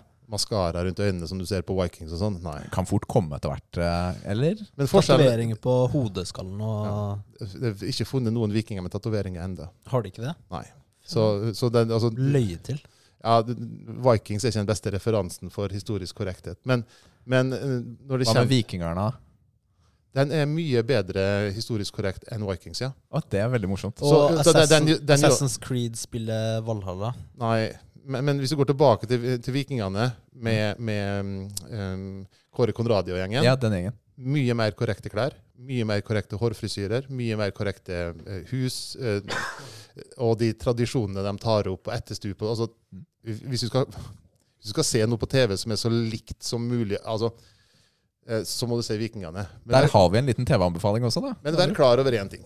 Hvis jeg tar for å samle de ti beste Viking reenactorsene i Norge, med det beste tøyet, de beste sømmene, beste alt og så får vi transportert dem tilbake til vikingtida, så kommer vikingene i, i Vestfold til å flire på seg brokk. For det, jeg kan garantere det, at de klærne som vi har kopiert, det er jo gravklærne. Ja, ikke sant. Og hvis jeg bare tenker på min egen outfit Jeg så dere la ut et bilde av meg på Story tidligere i dag. Ja. Der ser dere mye skjegg og, og mye ulvepels. Eller hen, det er ikke lov til å si at det er ulv, da, men, eh, for det er jo ikke lov lenger. Um, Pels. men det antrekket jeg har på meg på det Mm. bildet, der kommer buksa fra Danmark. Tunikaen kommer fra Sverige. Den kappa jeg har over skuldrene, er nok sannsynligvis funnet i Østfold. Og lua er litt russisk inspirert. Mm. Så hvis jeg hadde kommet på, et, på en Kaupang i vikingtida med det antrekket der, så hadde de lurt på hva faen slags psykiatrisk pasient er det her? Ja, ja, For, fordi at ja. de henger jo ikke i hop. Det er samme som å se altså, Bunader i Norge er et bra eksempel. da.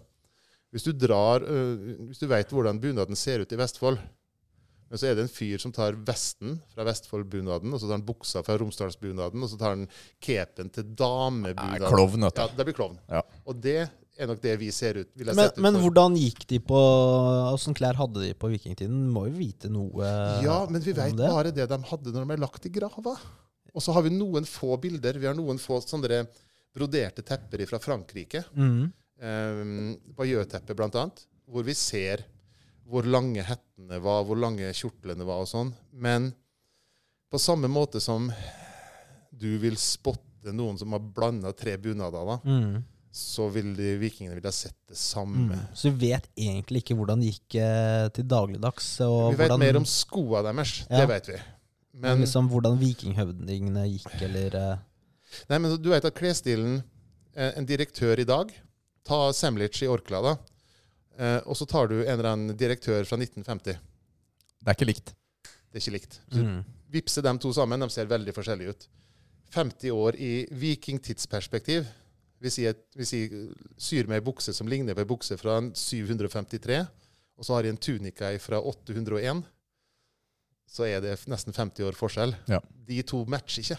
Nei. Og det ville blitt, altså, vi ville blitt ledd av. Altså Jeg ville jo kanskje trodd at 50 år på vikingtiden er mindre forskjell i klesstil enn i vår moderne tid. da. Det kan Men, jo hende. eh, Men Jeg, jeg ser poenget ditt, at eh, vi Ja, jeg, jeg, jeg skjønner hva du sier. Det gjør jeg. Men det, det er derfor det er sånne filmvikinger det Ja. er fryktelig flaut å se på. Jeg har ikke greid å sette Vikings Mm. fordi de blir så dårlige inni meg. Mm. Det er så mye vi ikke vet Yes. om eh, vikingtiden, og dere prøver å Vi prøver å etterligne, Ja. og så prøver vi å finne ut hvordan kan denne nåla ha festa denne kappa. Og det finner du bare ut ved å prøve. mm. Du hjelper ikke det å tegne det. Du må prøve å bruke den kappa med den, med den nåla. Så man må regne med at den måten som funker, er den de gjorde Mest på. sannsynlig ja. Ja. Og så har vi masse flinke håndverkere i miljøet som kan å lage sko og jakker. Og, og, og Men da, da lurer jeg på, blir noen av disse lagene med på planlegging av uh, TV-serier om vikinger? Ja, uh, og Viking Planet i Oslo er vel det stedet og den organisasjonen i Norge som har tatt til seg mest veiledning fra Kim Jardar og Are Pedersen og Mm. Astrid Bryde og, og Nille og de fagfolka i vårt miljø. Altså, vi har jo professorer og folk med Altså, um, Audhild og Connor i, som bor i Irland nå, er jo de som brukes på Game of Thrones og forskjellige andre, fordi de kan søm, de kan faget. Så ja, det fins organisasjoner, men ordinær norsk TV-filmproduksjon er nok ikke de flinkeste til å ta til seg, Mm. mens en del, en del regissører og en del, sånn som Viking Planet i Oslo, har, har, har skjønt poenget at skal du gjøre dette, så må du gjøre det skikkelig. De hadde ikke horn på hjelmen, og de hadde ikke gauntleten, pilbeskytteren, på begge armene. Du hadde den bare på den hånda du holdt buen med. Altså, det er en del sånne Sånne type ting. Detaljer som er ja, Det er som å se en mann gå med to armbåndsur når du ser en person gå med to gauntlets. Ja, ikke sant? Ja. ja. Ikke sant? Det er en god referanse eh, på akkurat det. Så, så, men nå skal det sies, da. Det er ikke så viktig for TV-publikummet, men for oss som er nerder Ja, men det Så er er jo sånn på alle ting man nerder om, ikke sant? Riktig. For meg er dette viktig. ja. Jo, men sånn eh, korrekte detaljer i film og TV-serie, det blir jo kommer jo ut hva som er riktig. Eh, sånn som John Wick, da. De filmene du har sett dem, Egil. Oh, yes. Altså, du, det er jo mange sånne der små detaljer om at han for eksempel Han skyter ikke flere kuler enn det er i eh, magasinet før han lader om. da. Mm. Sånne ting. At de er veldig nøye på det. Og det er jo, det er jo gøy. Det er jo kvalitet, da. Ja, det gir mer bryr, troverdighet. da bryr de seg om eh, faget sitt. Men hva gjør en vikinghøvding i 2022?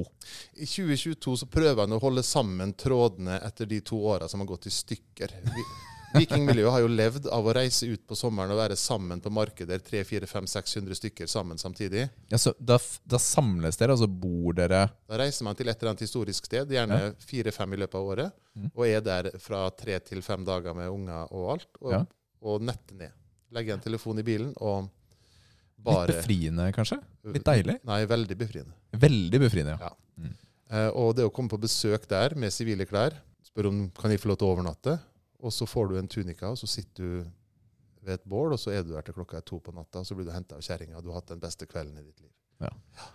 Altså, det er veldig Men det er veldig historiefokusert. Kult. Du, jeg har fått, vi har fått inn et spørsmål fra Kit. eh, Fra Spellelåsen, en annen podkast vi kjenner godt. Mm. Hun stiller hva slags spill spilte man i vikingtiden? Ja. Nefatafel. Nefatafel? Nefatafel, ja. HNE. Nedfatafel. Nefatafel. Kan du forklare hva det er? Um, det er jo selvfølgelig et krigsspill. Og det er jo Men det, det, det handler, om en, handler om en konge som skal nedkjempes ved hjelp av, av flere forskjellige brikker. Og det er jo da en Jeg skal ikke påstå om det kom før eller etter sjakk, men jeg tror det kom før sjakk eller parallelt med sjakk. Men sjakk De eldste sjakkbrikkene som er funnet, er i British Museum, og de er lagd i Norge av, av sånn, enten hval eller andre bein. Det er lagd på vestkysten av Mm. Norge og står på British Museum, det eldste sjakkspillet som, som vi har brikka, og som jeg har sett brikka av, i hvert fall. Så det var mye sjakk. Nei, ikke mye sjakk. Mye nedfatafel, brettspill. Nedfatafel. Og Høres ut som en, eh, et tulleord, skal jeg være helt ærlig. og så var det mer um, det som heter uh, vig. Ok. det med, jeg, tror, jeg tror det heter vigleik, eller det å være vig. Å være mjuk. Det, var en, det er en god del vikingspill og vikingleiker som skulle måle hvor mjuk og spenstig og rask og sterk og smert... Ferdighetsleker. Ferdighetsleker, dem er det et hav av. Og om det er slipstokk eller skinntrekk eller oksedrag eller Det er masse sånne du kan lære ved å dra på et lokalt vikingmarked i Sarpsborg eller på Borre eller på Bronseplassen i Kristiansand. Mm. Der er det alltid vikingleiker. Og der ser du fortsatt barn som står i en sirkel med en 30 cm lang kniv og kaste kniv, det som heter å kappe land Ja, ja. og prøve å teffe beina til hverandre. For da å minske den trekanten du har lov til å stå i. Altså, det er masse ondskapsfulle leker som gjerne inneholder øks. Ja. Så det var mindre spill, mer leik. Um, Litt farligere lek. det kan ryke ei tå. Kan ryke ei tå. Ja, eh, og det har godt liv. Det står i sagaene til Snorre under disse skinntrekkleikene som har foregått på en del sånne gjestebud, at det har gått liv. Ja. For det var jo det soldatene eh, måtte tidtrøyte seg med imellom ekte slåssing. Da. Men hva er eh, skinntrekk? da tar du åtte mann, Ja. gir du dem en skinnbit på størrelse med ryggen på jakka di, og så skal alle ha hånda i den. Og når du sier eh, go, så er det den som står igjen med skinnbiten, som er vinneren. Og anything goes. Det er ikke lov til å stikke fingrene inn i kroppsåpninger. Det er ikke lov til å slå med knytta neve. Og that's it. Mm. Ja, par, det er greit med to safety rules, i hvert fall. Så eh, det er ikke lov til å stikke fingeren i øyet. Altså, Eller rumpa, Nils. Det er åpning, det òg. Finger inn i kroppsåpning er ikke lov, og det er ikke lov til å slå med knytta neve. Og det sier jo da implisitt at slag med åpen neve er lov. Albu, da? Ja, det, det, det rekker du ikke. Ja, for det er jo, den kan jo være ganske Ja, du kan ille, da. prøve, du kommer til å få juling. da. Ja. Det er, For juling etterpå. men det er, det er veldig brutalt. Men den som står igjen med skinnet, føler ekte glede over den seieren. Har du vært med på det? Å ja. Oh yes. Ja, Men det var ganske brutalt for sånne daua av den leken. Ja, men, men når du ser barna gjøre det, så skjønner For det, hvis du slipper løs åtte barn, tiåringer, på en sånn skinntrekk, etter at du har vist dem litt hvordan det foregår, så går det tre runder, så begynner det å skje en slags form for game theory. Ja. Det begynner å utvikle seg. Noen skjønner at det lønner seg å kaste seg over skinnet. Noen skjønner at det lønner seg å samarbeide litt i ti sekunder. Mm. Noen skjønner at vi må samarbeide for å få ut han store først, slik at de kan ta det etterpå. Altså, sant? Ja. Der ut, du kan se game theory utvikle seg IRL når du står og ser på barn slåss om en skinnbit. For det, du, da, taktikken, strategien, det lager seg en del regler, altså en del sånne uskrevne regler av seg sjøl. Mm. Um, men den første som introduserer ørefik, da, da skjer det noe. Oi, ja. Da har du kom, brutt Da- en barriere. For når du hører at dommeren ikke sier stopp Ja. Den voksne som styrer leiken, sier ikke stopp. Ja. Oi, ja, det var ikke lov til å slå med knytta neve, nei. Nei. Da Fordi ut da har man ikke fortalt dem Nei. det unntaket. Og så når man åpner den døra med ørtau, da, så syns man det er fryktelig Ja, nå har de knekt den, for nå kan de bare fike til han, men så får du faen meg tilbake. Ja. Så, Men, men har du lekt det med de reglene? ja. Det er, ja, ok. Ja. Bodyslamming, ja, så dere har ikke hatt liksom ekstra regler? Det er vikingregler? det, det, det er de reglene. Mm. Men hvis du åpner den døra, så må du være forberedt på at den døra lukkes ikke igjen. Nei, ikke kommer sant? tilbake Du på deg, den, ikke sant? eh, Så- ja. Så møter du en med lengre rekkevidde, da, så er du Mm. Da får han skinnbiten. Så det finnes veldig mange, og dette vet jo vi voksne, og vi har gått inn i mange sånne kamper som det der hvor ingen har åpna den ørefikkdøra. Og det er helt greit. Da blir ikke den døra åpna. Ja. Men er det én som åpner den, Oi, da skjer det. Ja. Da skjer det noe. spesielt kampgruppen i Norge, da, altså Borrefylkingen eller Ravneklanen eller sånne ting, de, de gutta som slåss, de åpner jo den døra ofte. Og da trekker vi andre oss unna. Da går det hardt for seg. Ja. Mm. Ja. Lykke til, sier man da. Det er veldig gøy å se på. Ja, det tror jeg på. Ja. Ja. Det er jo ikke, altså, du har jo ikke betalt for å se på kampen engang. Nei, altså, vo- se voksne menn gråte og le samtidig, f.eks. Det er helt fantastisk. Surf and turf. Det er kjempemorsomt å lære mer om, eh, om eh, vikingdelen av det også, Egil. Ja, Du, jeg tenker vi går over på trening, ja. let's go. Nå er det trening!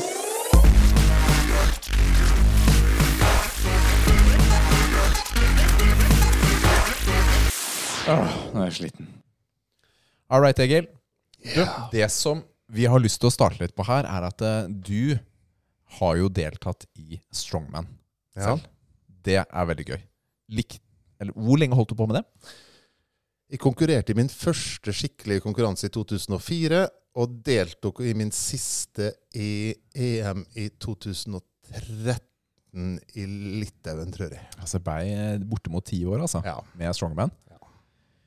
Det er Vi har jo fått en ære av å trene sammen med deg i dag, og Kikki. Dere har gjort mer enn eh, Det var jo veldig gøy å ha dere med. Det var supergøy å være på senter, uh, gymmet deres. Ja. Ja, det er da Borgeskogen treningssenter, Ja. eh, som er deres gym, ditt gym. Mm. Jeg og Per Gunnar Roald Kvam eh, har drevet det siden 2017. Ja. Mm. Og det ligger jo da i Stokke.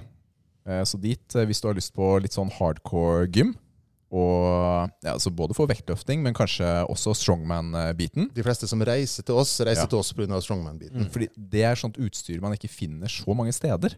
Riktig. Fordi det er jo en del eh, litt unike øvelser innenfor strongman-miljøet som Mm. man ikke finner innenfor et, et vanlig gym, da, rett og slett. Mm. Så eh, Du er jo også gift med Kikki, Mm.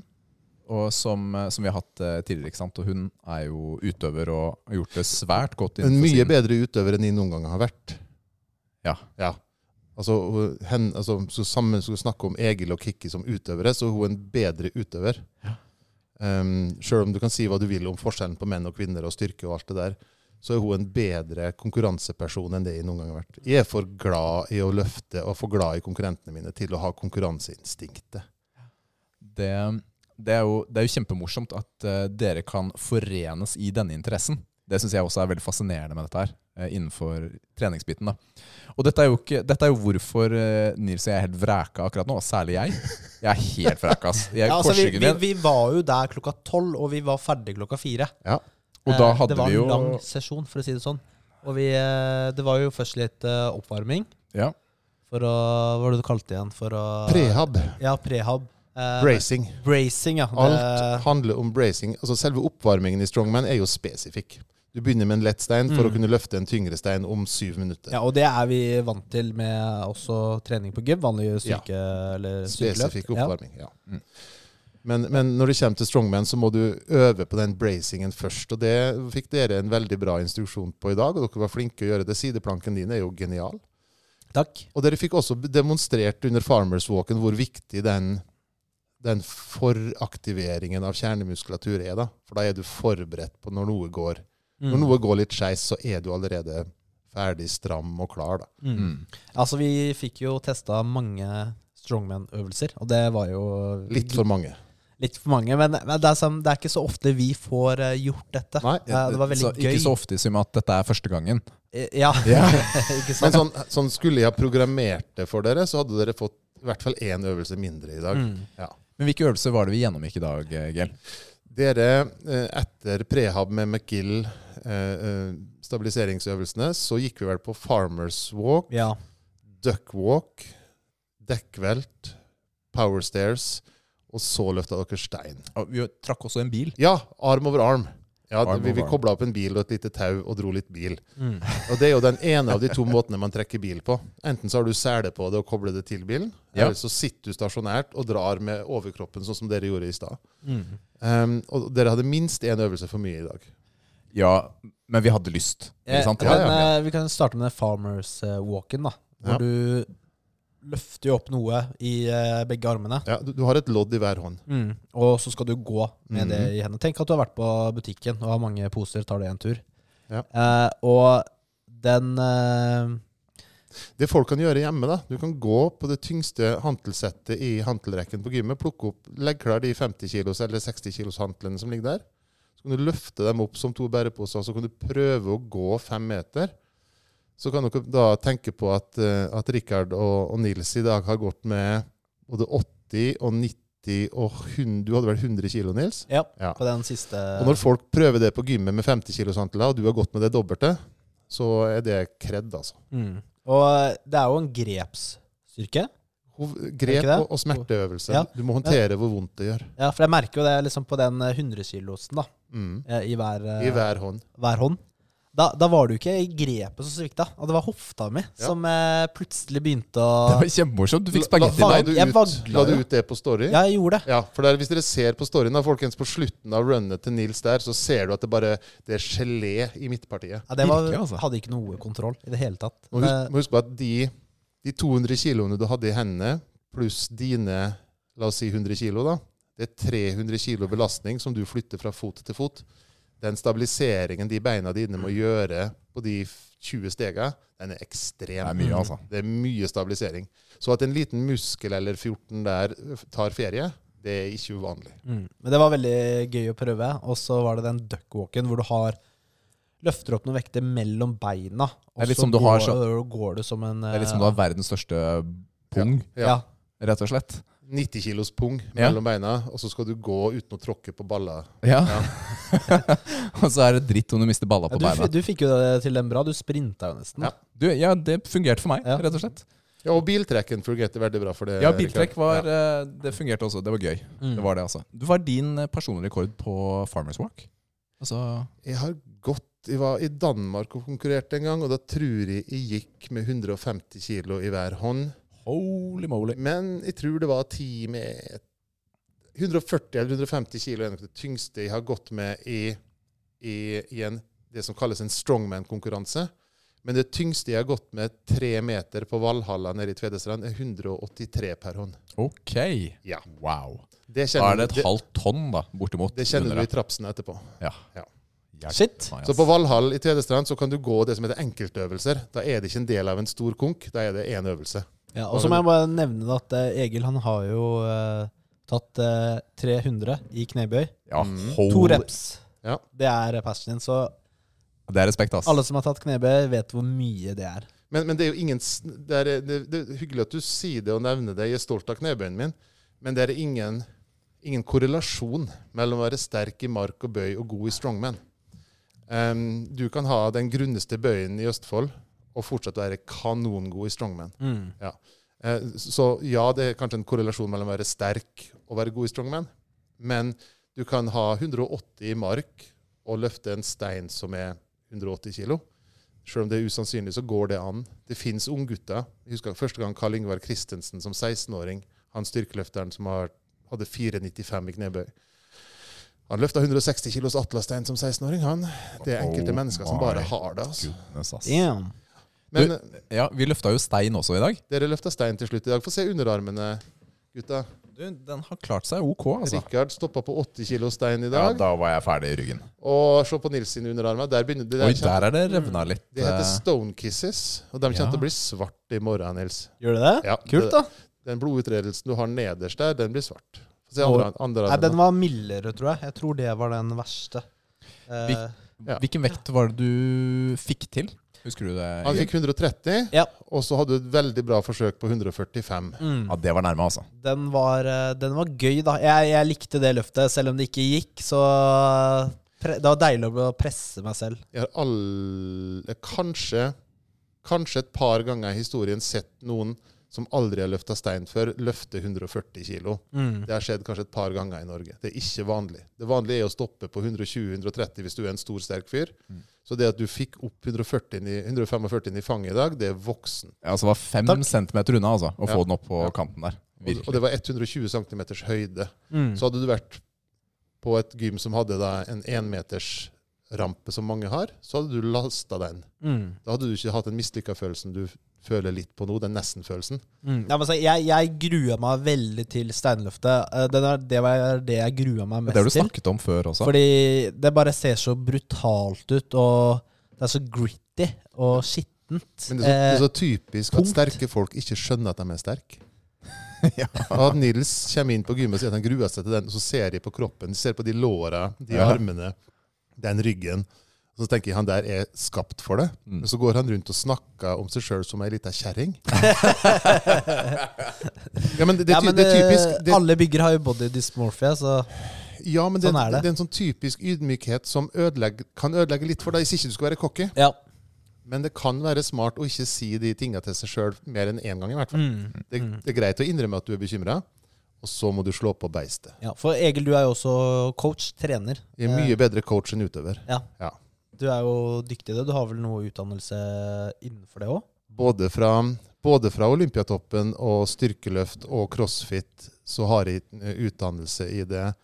Um, men så kommer det jo jævla mye ifra Forsvaret, befalsskole og kriminalomsorg også med, med, med hvordan håndtere mennesker. Mm. Ja, fordi du har jo vært utøver i Strongman i bortimot ti år. Mm. Og nå så er du coach for eh, kona di, Kikki. Nei, å nei, nei, Nei? nei, nei. Jeg er ikke i stand til å være coach på hennes nivå. Nei. Eh, Jeg er coach for kanskje en seks, syv, ti norske utøvere. Ja? Men hun har en coach som er bosatt i Kypros, tror jeg, som opprinnelig kommer fra. USA. Altså, eh, jeg kan ikke være Kikki Kall det lokal motivator, da. Ja, jeg, jeg er bagbitch, heter det. Ja, du er bagbitch.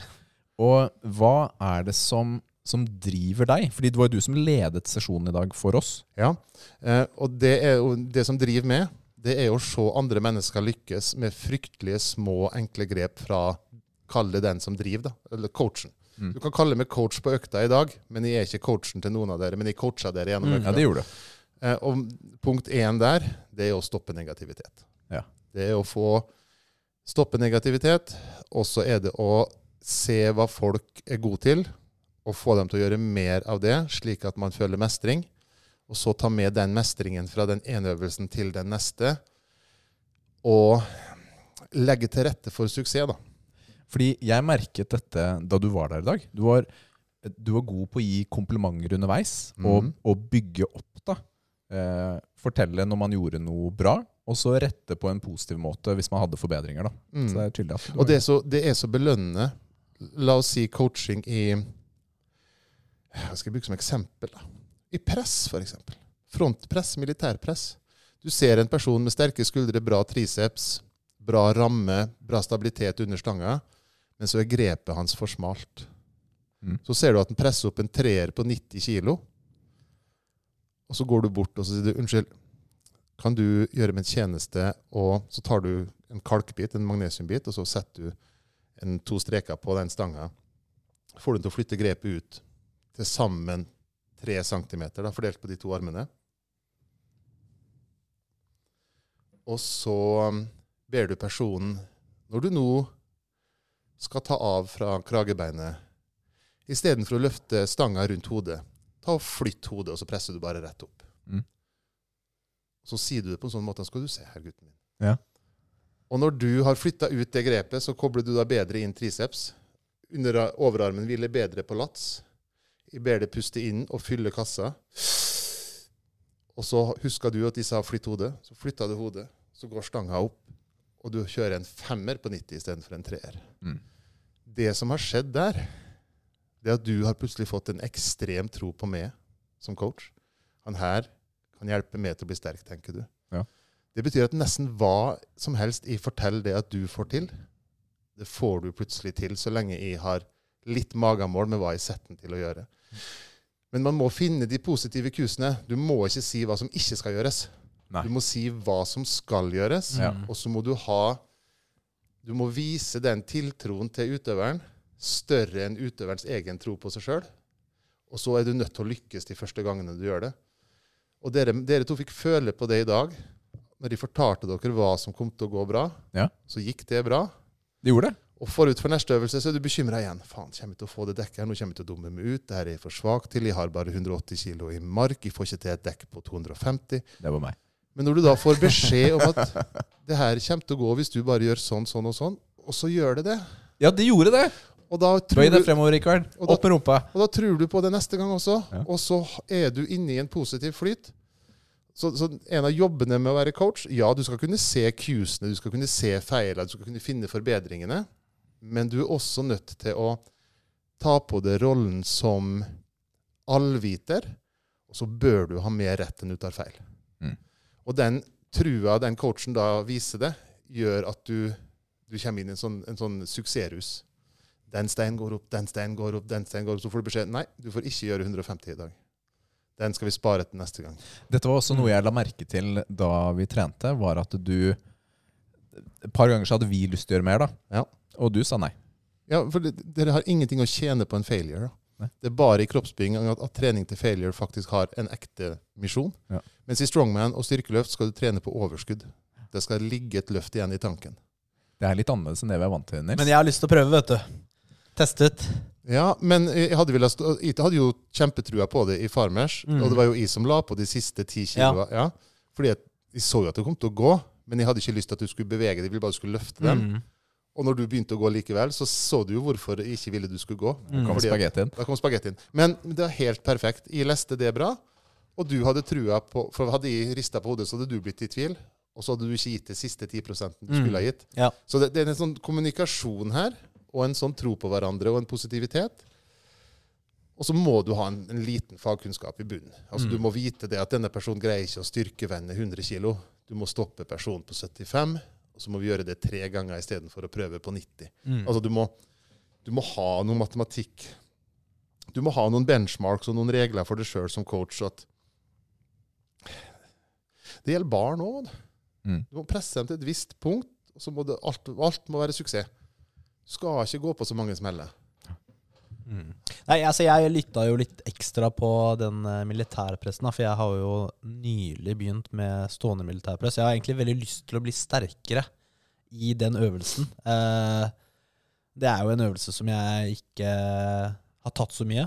Eller det er lenge sia. Hva mener du med ikke så mye? Nei, altså, det, tre, det er, altså Vi trener jo ikke Jeg har ikke trent så mye spesifikt skuldre. Eh, altså skulderdag. Men du har, du, har to, Eh, du har 200 kilo i benk. ja, men det overfører seg ikke så bra til den Nei, eh, men, hva er tallet, da? Gi meg tallet.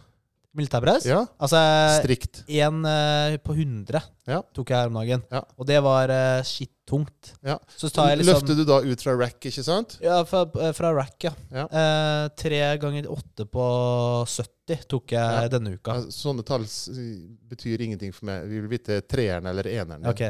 Så en ener på 100? Mm. Ja. Jeg har lyst til å ta tre ganger ti på 100. Eller ti, ikke ti ganger tre? Mm. For det, hvor ligger verdien i tre ganger ti? Ok, da, eh, Hvis jeg skal ta maksrep, da, eller én RM, så har jeg lyst til å ta 140.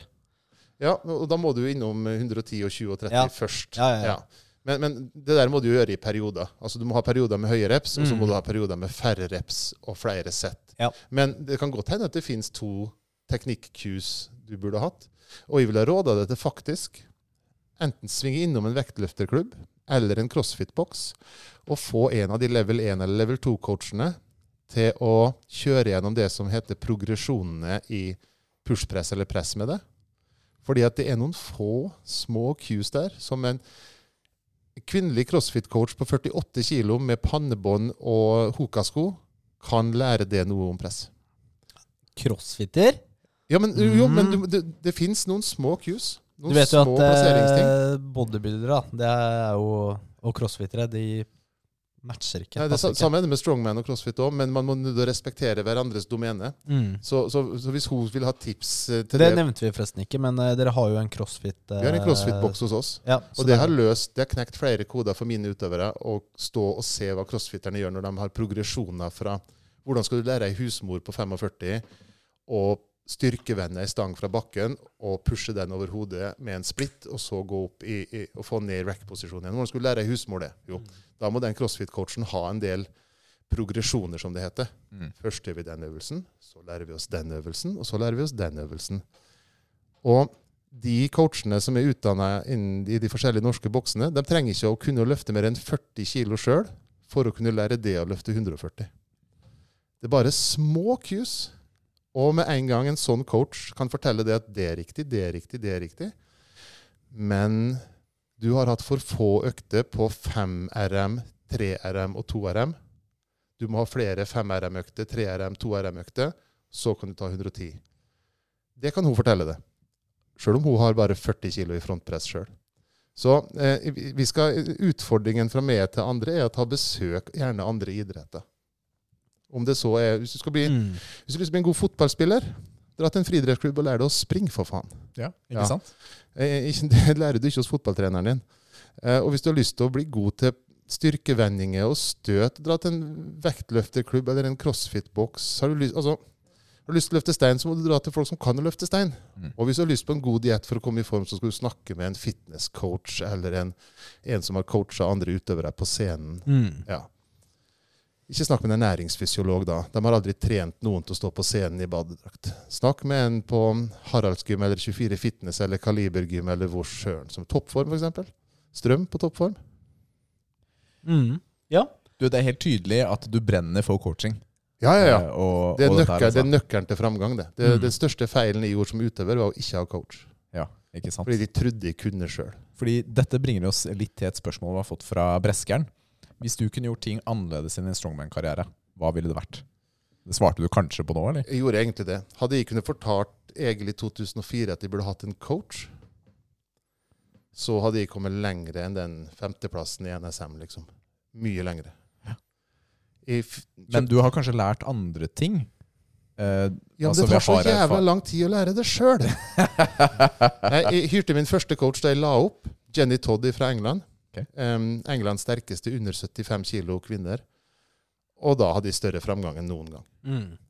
Og, og der må man bare putte all stolthet. Om det er en, om det er en rullestolsittende håndballtrener fra Krokstadelva som du har som coach, men hun kan noe som du vil ha, så skal du gjøre Altså, må du høre på, da. du må høre på. Ja. Eh, og se på Gjert Ingebrigtsen. Alle ungene han springer fra han. Han får ikke tak i én jævla unge av sine egne unger, for han springer fra han hele gjengen. Men han kan å trene dem. Kult, altså. Ja, det, er gøy. ja. det er gøy. Vi har fått et annet spørsmål her fra, fra Liv, min fru. Eh, hun sier Hva er det rareste, morsomste du har opplevd på trening? Har du noen historier derfra? Det må jo være Jeg har jo ikke Jeg, har jo, jeg var jo med som jobba i kriminalomsorgen, og jeg har jo taushetsplikt på navn. Men jeg, jeg, jeg vikarierte litt på Oslo kretsfengsel da jeg gikk fengselsskolen i 2007. Og trente på 24 Fitness. Um, nå har jeg jo akkurat vært gjennom en sykehusinnleggelse med korona, så jeg har jo vært nære døden nylig også. Men eh, jeg ligger da og tar benkpress på 24 Fitness hos eh, Tommy Torvilsen der. Og hadde jobba noen vakter på avdeling C på kretsfengselet. Men det de hadde gjort på fengselet i løpet av helga, var å slippe ut en av verstingene. Så når de ligger der på første, de har akkurat tatt av stanga, jeg skal kjøre en treer på 130, husker jeg, i benk, Ja. så ser jeg i øyekroken at han kommer gående. Du kjente igjen en person, du. Vi kjente igjen hverandre. Ja. Hvordan var forholdet deres? Du, Litt anstrengt, eller I, I mitt hode var forholdet greit, men man vet jo aldri hva man har sagt eller gjort som betjent som kan ha irritert en innsatt. Du sto jo på utsiden. Han Ja. var på innsiden, låst Ja. inne. Og plutselig så er vi på hans hjemmebane. Ja. Og der står du med 130 kilo stang. Så jeg tar én en rep på 130, og han som ikke skal nevne navnet på, går mot benken. Jeg senker stanga for rep nummer to på 130, og han da runder bak, sånn som en typisk sikrer skal gjøre. ikke sant? En ja. Han går på spotterplass når de tar opp toeren, men han ser at dette begynner å bli tungt. Dette er hans øyeblikk. Nå kan han ta stanga, så kan han presse den ned mot halsen min, og så er jeg borte. Ja, så er det ferdig. Så ser han på meg over stanga. Hvis ikke du tar den der, så brekker jeg begge armene dine. så jeg fikk til den treeren også. Det gikk opp. Gikk opp, og vi hadde et veldig bra uh, forhold i det sivile etter det, men man veit jo aldri, da. Nei, oh my goodness, ass. Ja, du, takk for det. Det, er, eh, ja, det kunne vært en nær døden-opplevelse. Det kunne vært en nær døden-opplevelse. Ja, det ble en fin historie. Men på gymmet så er det litt eh, Der er man litt på like vilkår, altså. Ja, Ja. Men er ikke det fint? Ja. Det, det, jeg liker det på gymmet, ikke sant? Fordi man blir kjent med mennesker, og det er ikke nød, man spør ikke nødvendigvis med en gang om alt de har av bagasje, holdt jeg på å si. Altså, Nei. hvem er du, hva gjør du, så videre. Man, man deler opplevelser da, i forhold til løft videre, som er bra. Vi har en håndfull politifolk og et par voldsdømte og til og med drapsdømte som trener hos oss. Så. Ja, men sånn er det. Ja. Takk for denne historien. Vi har fått inn et par andre spørsmål eh, også. Vi har fått inn et fra Sterke-Petter. Oi, det er en mann, det. Ja, det er litt av en mann. Ok, eh, Jeg sliter litt med å lese hele meldingen her, Nils. Det står Hvordan starte en så god kultur for rydding og ivaretagelse av utstyr og medlemmer som dere Og så står det prikk, prikk, prikk. Jeg klarer ikke å se resten, Nils. Klarer du å se resten? Som dere har på B30. Ja. ja den kulturen som har utvikla seg hos oss, er veldig spesiell. Um, og vi føler at de får litt for mye av skylda for det. Jeg er ikke sikker på hvorfor vi har den vedlikeholdskulturen og den dugnadskulturen vi har. Men jeg tror vi har vært flinke til å be hverandre om hjelp. Når ei tredemølle går i stykker hos meg, så finnes det fire elektrikere som, som trener på gymmet. Mm. Da legger jeg ut et, medlems, et spørsmål i medlemsgruppa. Er det noen som vet opp ned på et voltmeter, spør jeg. Ja, så kommer det en trikker, da. Så er det noen som går i stykker, så spør jeg er det noen som har et sveiseapparat. Så kommer det tre mann med sveiseapparat. um, så jeg tror ikke jeg har gjort noe annet enn å spørre om hjelp. Um, og så har medlemmene gjort det andre ved å akseptere at utstyret er brukt, og det er litt sånn smågammelt. Og så tror jeg det at det at jeg går rundt og fikser hele tida, Mm. det tror jeg betyr en del. Ikke at de drar den tredemølla ut på lageret og står og skrur i ensomheten på natta, men at de står da med hodet ned i motoren på en tirsdag kveld og skrur. For at Eh, For skal øvrig også en lørdag morgen, for det var sånn jeg så deg. Det Det var var- med face down, ass up, holdt jeg på å si. Ja, i Eh, tredemølla. I tredemølla. Ja, og jeg tror de som løper, setter veldig pris på at de bruker to timer på å fikse eller smøre ei mølle, og at de ser at de gjør det for dem. Mm. Og, så ja, det eneste jeg kan si der, er at um, gjør vedlikehold når, når du er synlig for medlemmene, og hvis du går og rydder, så skjønner de det. Nei, jeg, jeg vet ikke. Og vi har jo til og med et gym hvor det er mer barn enn på noe annet treningssenter. Mm. Og da pleier jeg å si til ungene du, kan ikke du hjelpe meg å rydde litt flasker i dag? Og så ser jeg at mor eller far smiler når de spør om hjelp, og så blir fireåringen med rundt og rydder flasker. Mm. Altså så, Men der, altså, det merket jeg da vi var på Borgerskogen eh, tidligere i dag, er at det er, det er en god sånn der samholdsfølelse på gymmet deres. Fordi jeg ble jo kjent med et par stykker selv. ikke sant? Kom i snakk med Edmund, ikke sant? som er eh, trofast medlem. Så kanskje til og med blir gjest en dag her. ikke sant? For vi kom i en god prat, og man er åpne med hverandre. da. Jeg tror at vårt gym fungerer som et veldig bra sted for, for vekst. Både muskelvekst og personlig vekst. Jeg tror det er mange hos oss som har en veldig stor På samme måte vi snakka om den gamingen i stad. Mm. Jeg tror det er en viktig sosial arena vi ikke skal kødde for mye med. Nei, For- jeg, jeg For, det selv. for enkelte typer mennesker. Og jeg vet sjøl, det var folk som grein på første lockdown fordi det er den eneste sosialiseringen de har, er på gymmet. Mm. Ja. Det sto folk og grein når vi måtte låse dørene. Det, Nils gjorde det utafor døra mi. Ja, Han måtte ned i kjelleren. ja, ja, men, ja, men Mm. helt sant. Det jeg skjønner. Det er, jeg eh, hadde et par store seriøst, bamser på sånn 140-150 kilo. Mm. De eneste menneskene de snakker til i løpet av døgnet, er på gymmet. Ja. Og Å kalle det en broilerfabrikk eller pumpejern, Mm. det blir for lett, altså. Mm. Det blir for lett. Det er et hjem for mange. Ja. Så er de innom et annet sted og sover. ja, Ja, men sånn helt seriøst. Gymmet er for enkelte så viktig. Øh, Den mentale helsa og det samholdet. Og de gangene jeg har trengt hjelp og bedt om det, så det, Altså at- at folk betaler er for å Nei, det, det er helt fantastisk. Mm. Jeg har fått så mye hjelp at det, Så jeg, jeg vet ikke, mm, Sterke Petter. Eneste rådet til å få det, er å faktisk vise vedlikeholdet når folk ser det, og så invitere folk til å bli med på en dugnad. Det, og jeg vet at det er mange klubber i Norge som strever med akkurat dette. Styrkeløftklubber, vektløfterklubber, andre idrettslag, hvor ting blir ødelagt, og ingen sier fra, ingen varsler. Men hvis du har en kultur da, på at si fra til meg hvis noe går gjennom veggen, Mm. så skal jeg fikse det. Så jeg blir ikke folk redd for å si fra når de har ødelagt ei stang eller røket en vaier. eller noe Ja, sånt. ting skjer, Ting ikke sant? skjer. Ja. Det er litt sånn det burde være hjemme også. Ting skjer.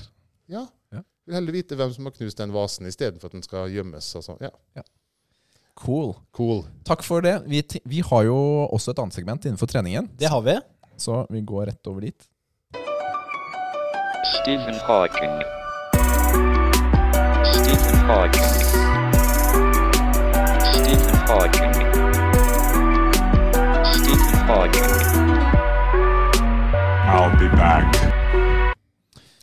Ja, ukas eh, treningsøvelse fra Hawking til Arnold. Eh, hvor bra er denne?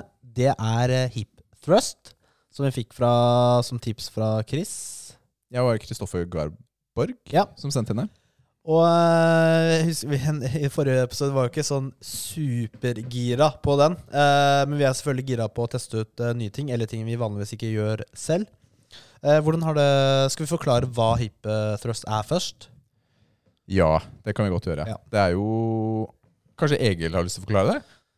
Altså, hip thrust er jo en utrettelse av hoft. Um, du plasserer begge beina f.eks. i bakken. Ja. Um, altså begge føttene i bakken. Så druser du skuldrene opp på en benk, f.eks.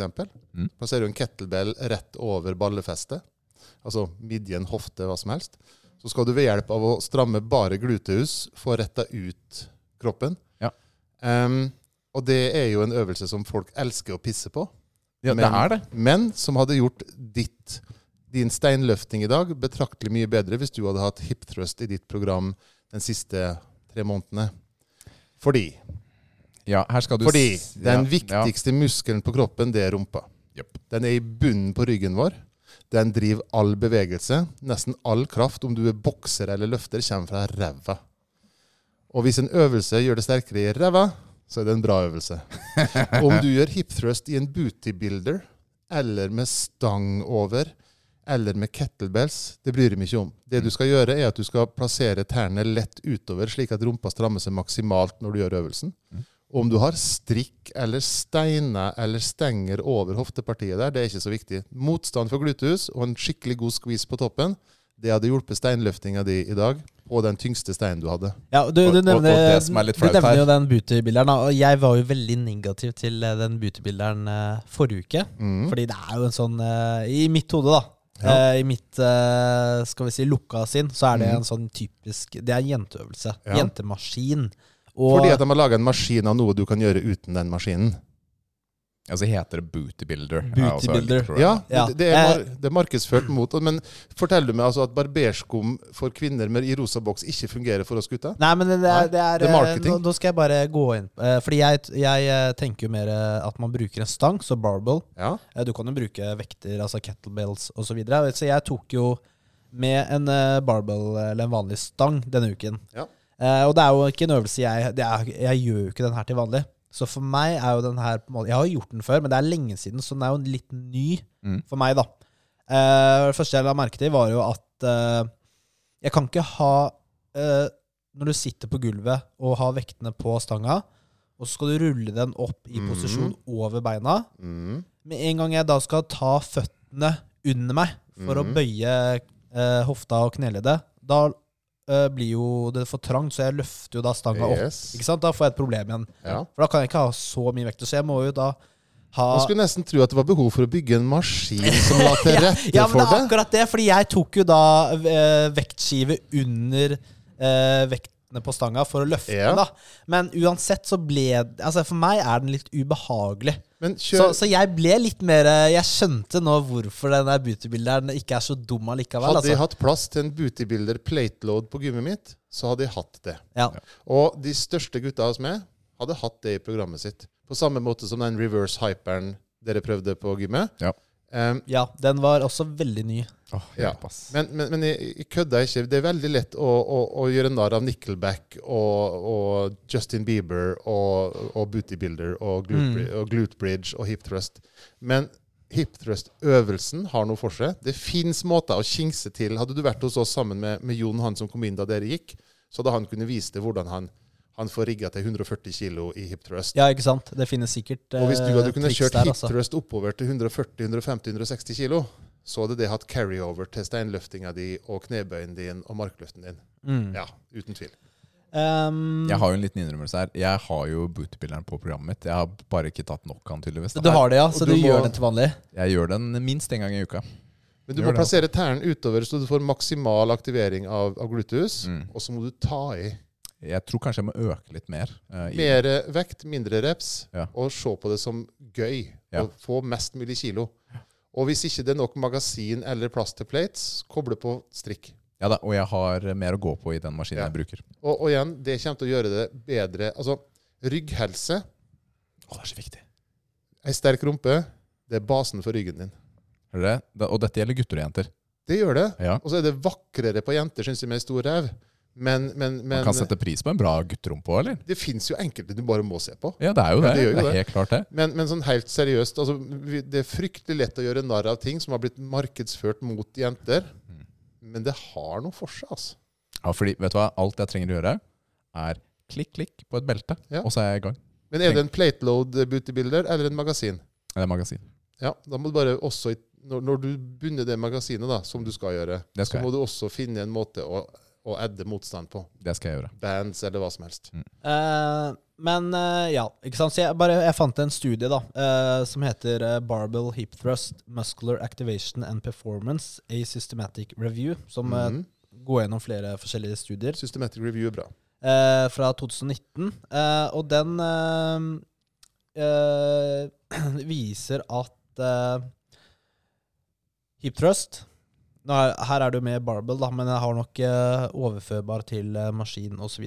Den eh, har større glute activation enn squat og markløft. Knebøy og markløft. Eh, så hvis i fokuset er rumpa, så er denne en fin øvelse å ha med i programmet.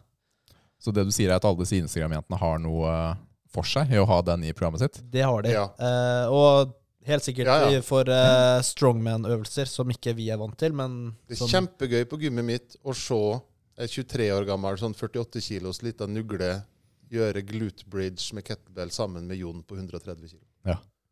Og det er, det, er ingen, det er ingen skam, det er ikke skambelagt med, med hip thrust. mm. Legg fra deg skammen. Hip thrust-skammen må bort.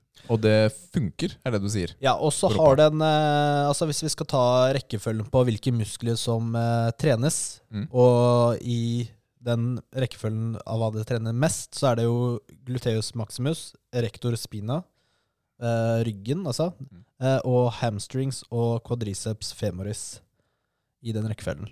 Eh, og i tillegg så viser den også at hvis du tar hip thrust, så har den en overførbar forbedring i sprinttid, f.eks. Oi, det er litt gøy. Samme med yoke og farmers walk. Hvis du skal bevege en vekt fremover og sprinte, Mm. den kraften starter i hamstrings og glut. Mm. Ja. Så eh, hip thrust, hip thrust er ikke så dum øvelse, er jo det kanskje jeg har lært denne uka.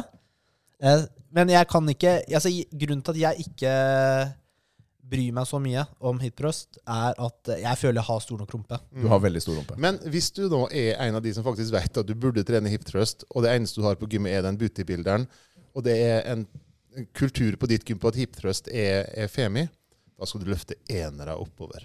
Da skal du laste på alle kiloene du finner. Mm. Alle kiloa! Og så kjører du enreppere oppover til du makser i hiptrust hver økt du kjører hip thrust. Gjør det til en bøffeløvelse. Ja. Ja. Og gjerne poste på Insta òg. Bare Ja. drus ut hip thrust day. Vi må fjerne hip thrust-shamen. Ja, rett og slett. Altså alt som funker, da. Det må vi gjøre mer av. Ja, vi må det. Ja, det er sant. Det er Ja. helt riktig. Og den der, de der teite tre McGill-øvelsene dere begynte dagen med, og det føles så unyttig, for dere blir ikke svett, dere blir ikke varm. Men det funker, altså. Mm. Vi bruker jo en karakter også Ja, til det skal vi ukens øvelse. Eh, det skal vi gjøre. Vi skal gi en karakter til uh, hip thrust. Jeg har jo bare gjort det med barbell, eh, ikke prøvd den maskinen ennå. Mm. Du, du tar jo den programmet. Hva vil du gi denne? Og for, fordi disse øvelsene så har det jo litt med glede også å Ja. gjøre. Altså hvordan vi tar det og sånn. Jeg tenker Dette er en av de En av de eh, øvelsene på bein som jeg kan ta hvor livet ikke er helt hat? Men hvor det fortsatt føles som man tar litt. Og det er bra. Mm. For meg er det, det, gir litt sånn mer positiv Ja. karakter, da. Jeg vet ikke om du, du sa det jo kanskje, da, men det er jo viktig å squeeze eh, glutsa, rumpa, på, På toppen, toppen der. Ja. Da kjenner du det bra, altså. Ja, du gjør det. Jeg, eh, jeg Under forutsetning at det er bootybuilder-type maskin, da, for jeg liker det mye bedre enn med stang. Eh, Jeg tror jeg, tror jeg har lyst til å gi den syv. Syv? Ja. Ja. ja. Hva med deg, Egil? Altså nå har ikke jeg noe benchmark. Nei, du har ikke, dette er veldig subjektivt, det har, det, for det er blandet med funksjon og glede Ja, altså, og alt altså, sammen. Det finnes jo mange øvelser du kan gjøre for å for måte um, um, bøfre det at du ikke har en bootybilde på gymmet ditt og sånn, men jeg mener den øvelsen fortjener en syver nesten uansett hvilket, hvilken verden du putter den, den øvelsen inn i. Om du er håndballspiller, eller om du er strongman-utøver, eller om du skal på scenen i bikini fitness. Mm. Jo mer utseende er viktig for det, jo høyere karakter fortjener øvelsen. Men fortsatt er den funksjonelt sett ganske viktig for, Mm. for Det går masse rumpeløse folk der ute. Ja, vet du hva? Ja. Det snakket vi om uh, i stad, faktisk, Nils. At uh, og ass er important, altså. ja, men gutter og jenter Ikke sant? Ja, ass fyll, ut, fyll ut rumpa. Ja. Eller fyll ut buksa, mener jeg. Tits and ass. Tits and ass. Så, så mm, jeg vil i hvert, fall en syver. Og så, så ja da, du kan finne på masse annet og liksom buffre at ikke du har en bootybilder, men, Men hipthrust-øvelsen den, er- den vil spare deg mye ryggsmerter, og den kan hjelpe deg til å bli bedre å løfte stein. Så da er den verdt en syver. Mm. Awesome. Du, Nils? Nei, jeg, jeg, jeg jeg er jo enig med det dere sier. Eh, jeg kommer jo ikke til å uh, Altså, jeg, jeg kommer jo ikke til å gjøre denne i programmet mitt. Det er sånn personlig. Ja. Men sånn uh, Jeg, jeg veit jo at det er en bra øvelse. Uh, for mange. Veldig mange. Så, så hvis jeg skal være sånn eh, veldig subjektiv der nå, så gir jeg den en eh, femmer. Det ble femmer. Jeg, jeg, men jeg føler at jeg er for lavt samtidig. Skjønner du hva jeg mener? For jeg syns ikke øvelsen fortjener en femmer. Men du liker den ikke så godt selv? Ja, det er det. Ja, Så, så derfor, for meg, blir det en femmer. Ja. Men eh, den fortjener mye høyere karakter. For mange burde ha den i programmet sitt. ja, Ja. ja, det er fair enough uh, Ja, men jeg det. Så hør hva jeg sier, ikke karakteren min. Er det, jeg, Ja. eh, det er det viktigste. All right. Du, vi, vi tar oss tid til å ta et par dilemmaer på slutten, tenker jeg. Ja. Joker! Nå er det joker!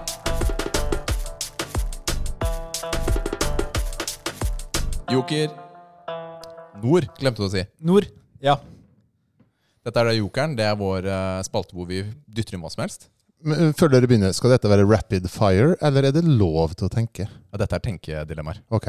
Vi har eh, tre til fire stykker, og vi tar oss tid til å diskutere litt. Jeg glemte ett spørsmål. Kan jeg bare skyte inn det? Ja, ok. Eh, Chris Garborg eh, spør eh, Etter å ha scrollet gjennom din Instagram, Egil, hvor mange timer går med på Mims-titting hver uke? Memes? Ja, det er jo det er sånne Memes? Memes, ja. Jeg sier mim, jeg. Nei, eh, Ja. jeg har en så brei vennegjeng at de slipper å lete etter memes. De kommer dettende inn. Og jeg elsker jo humor. Både svart humor og Ja. Eh, Mm. nei, så, så folk vet at de setter pris på humor, så jeg får mye bra memes. Du har- er oppdatert. Det skal jeg ikke påstå, men, men de memesa jeg lagrer på telefonen sjøl, dem er bra. Mm. Ja. Bra! Det tar oss over til uh, jokeren. Du, jeg tror du har lagt inn første, Nils. Ja, har jeg det? Ja? Har du lyst til å ta den, eller? Mm, du kan ta den. Ok, Vil du heller hatt drømmejobben, men bare blitt betalt eh, minimumslønn, eller hatt en jobb som du hater, som betaler dritbra? Ok, Så drømmejobben med lav lønn, eller skikkelig crap jobb, men veldig høy lønn? Jeg vil ha um, drømmejobben med minimumslønn, fordi at jeg er selger og menneskeperson by heart, så jeg vil alltid finne en måte å tjene mer penger på. Oh, se på den, da. Ja, men sånn side Ja, men det kan du ikke. I det dilemmaet så er det Nei, men greit, da, da, tar jeg, da tar jeg drømmejobben med minimumsbetaling, Ja. og så justerer jeg livet deretter. Fuck Ja. it. Hva om eh, du tar den drittjobben, og så, siden du tjener veldig bra, så trenger du ikke jobbe hele livet. Så du jobber noen år, investerer, og så slutter Nei, du. det er ikke meg. Sorry. Jeg, jeg står opp, eh, jeg står opp uh, halv seks om morgenen og får ungene i gang og drar på jobb. Det er det en mann gjør. Mm. Og så kan jo kona tjene, bra- eh, tjene bra. ja, det er, eh, det er Ja, eller, så kan hun også ha sin drømmejobb til minimumsbetaling, og så er vi fornøyd med det. Ja, ikke sant? ikke sant? Nei, men altså, Hvis det er drømmejobben, så kan man jo Jeg har jo, jo, jeg har jo drømmejobben. Ja. Jeg, jeg har kunne aldri tenkt meg å slutte i PF. Mm. Det er ferdig snakka. Og jeg har aldri til dags dato bedt om lønnsøkning. Mm. Det, det, er ikke, det er ikke derfor jeg er her. Mm. Du koser deg. Jeg koser meg, og nå har jeg en sjef også som gjør det eh, Som er så flink at jeg vet at jeg kan ikke ta hennes jobb. Så Mm. da vet jeg at jeg må være fornøyd der jeg er. Du vet din Mm. plass. Uh. Ja, eh, jeg, og det har jeg null problem med. Jeg har ingen problem med å ha en sånn 50 kilos svensk eh, kvinnemenneske som sjef, som er bedre enn meg på faget vi jobber innenfor. Det er jeg 100% komfortabel med. altså, jeg har drømmejobben, og kommer ikke til å be om lønnsøkning, for det er ikke derfor jeg er der. Jeg har også mer og mer sett at eh, å ha det bra på jobb er viktig. Ikke sant? Jeg har byttet jobb et par ganger de siste, de siste Det er lov til å ha flere drømmejobber på rappen.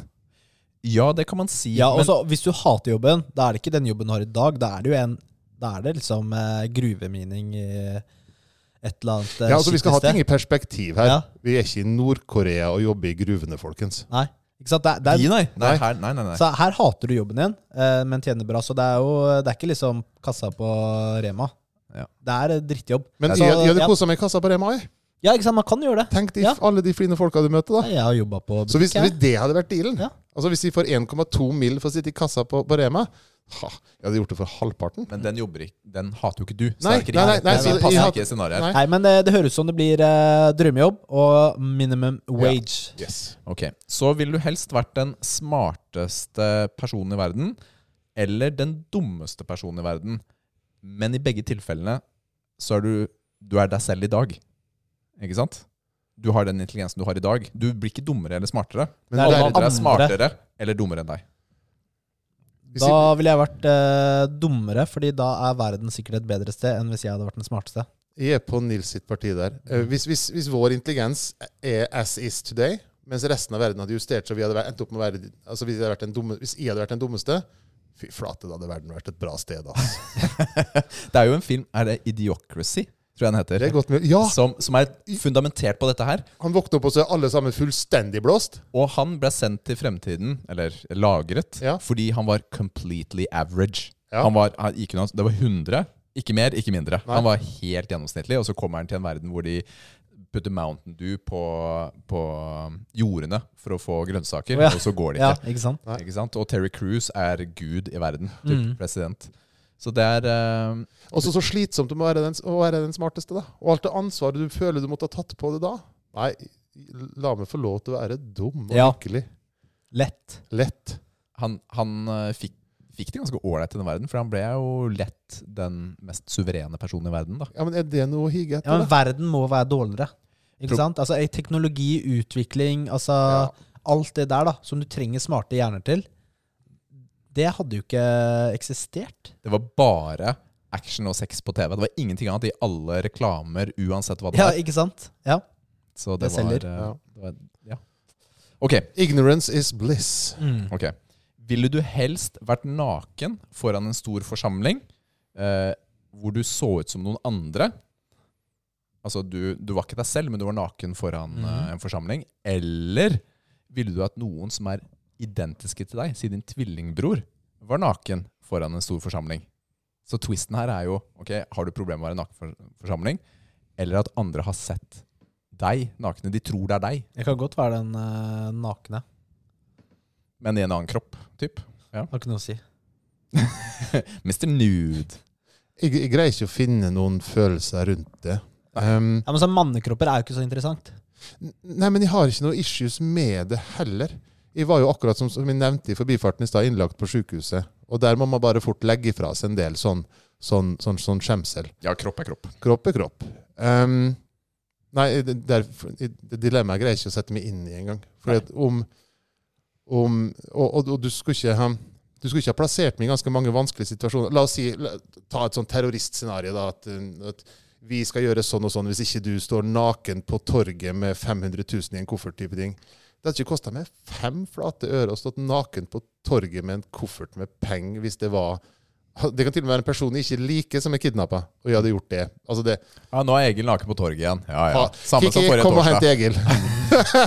Men sånn helt seriøst, eh, dette med kropp, eh, flauhet, skam fins ikke. Deilig. Det er deilig. Ok, siste nå for i dag. Ville du helst sånn seksuelt eh, lada, sånn bitt leppa di, sånn, sånn eh, På slutten av hver eneste samtale du har, hver eneste samtale i livet, eller vil du stønne, sånn sexstønne, hver gang du har spist litt mat, eller hver bit du har med mat? Hver bit. Hver Det er det det står da her. Men altså, si etter et måltid, da. Det, det er enklere. Ikke sant? Så enten så må du Du har hatt et møte med sjefen din. Hun, hun, hun eh, Linda Linda, ikke sant? Og så, kan ikke ha personalsamtale og så bite meg i leppa. og så etterpå så, så må du se henne i øynene og så Nei, da hadde jeg heller, da hadde jeg heller tatt den sexstønningen etter måltiden. Altså. Så dere har lunsj sammen, og så etterpå så Ja, men det er jo litt mer eh, Du kan jo, det, Maten var så god. Du kan jo vinkle det litt mer Ja. inn der. Men jeg, jeg hadde kommet, altså, Linda er ikke ei dame du tuller med. Jeg hadde kommet til å fått noen skra... Altså, jeg hadde kommet til å fått pes konstant for den Men si du ikke kan forklare det, da. Du kan ikke skylde deg selv. Du, bare gjør, du må gjøre det, bare. Nei, det er fortsatt stønninga, altså. Ja. Ja det, det, Det er fett å sitte på restauranten, da. Og så, Du er jo den eneste som har dette problemet. Ja. Og så har du vært Så sitter du der sammen med, sammen med Kikki, da. Og så har du spist et bedre måltid. Og høyt. Uh, Er det, så, er det, det er fra soverommet ditt i ja, ja, ja. Hysj, ja, ja. Ja. Ja, nei, men vi fortsatt ha den. Altså, du blir jo et spennende menneske å være sammen med, selv om du blir irriterende. da. Man spiser mye, da, men man prater også mye. Ja, nei, jeg tar den, jeg, altså. Lett. Spisinga. Spisinga og stønninga. Jeg tar leppa, ja. Du tar leppa? Ja. ja, jeg tar leppa.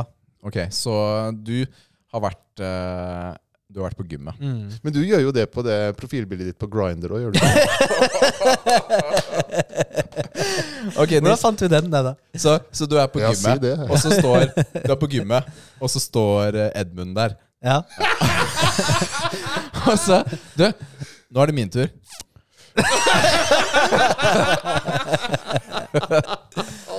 Nei, da hadde jeg prøvd å unngå å prate med folk, altså. Eller så hadde du Du hadde også vært på gymmet. Så du tatt en bit av en proteinbar. oh!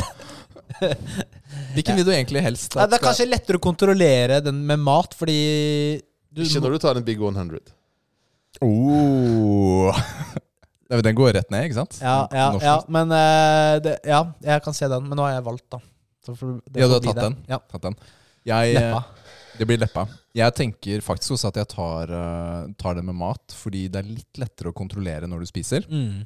Det, det, det kan føre til at du får et litt mer sånn inneslutta sosialt liv. Eller så er du bare han som stønner på restaurant.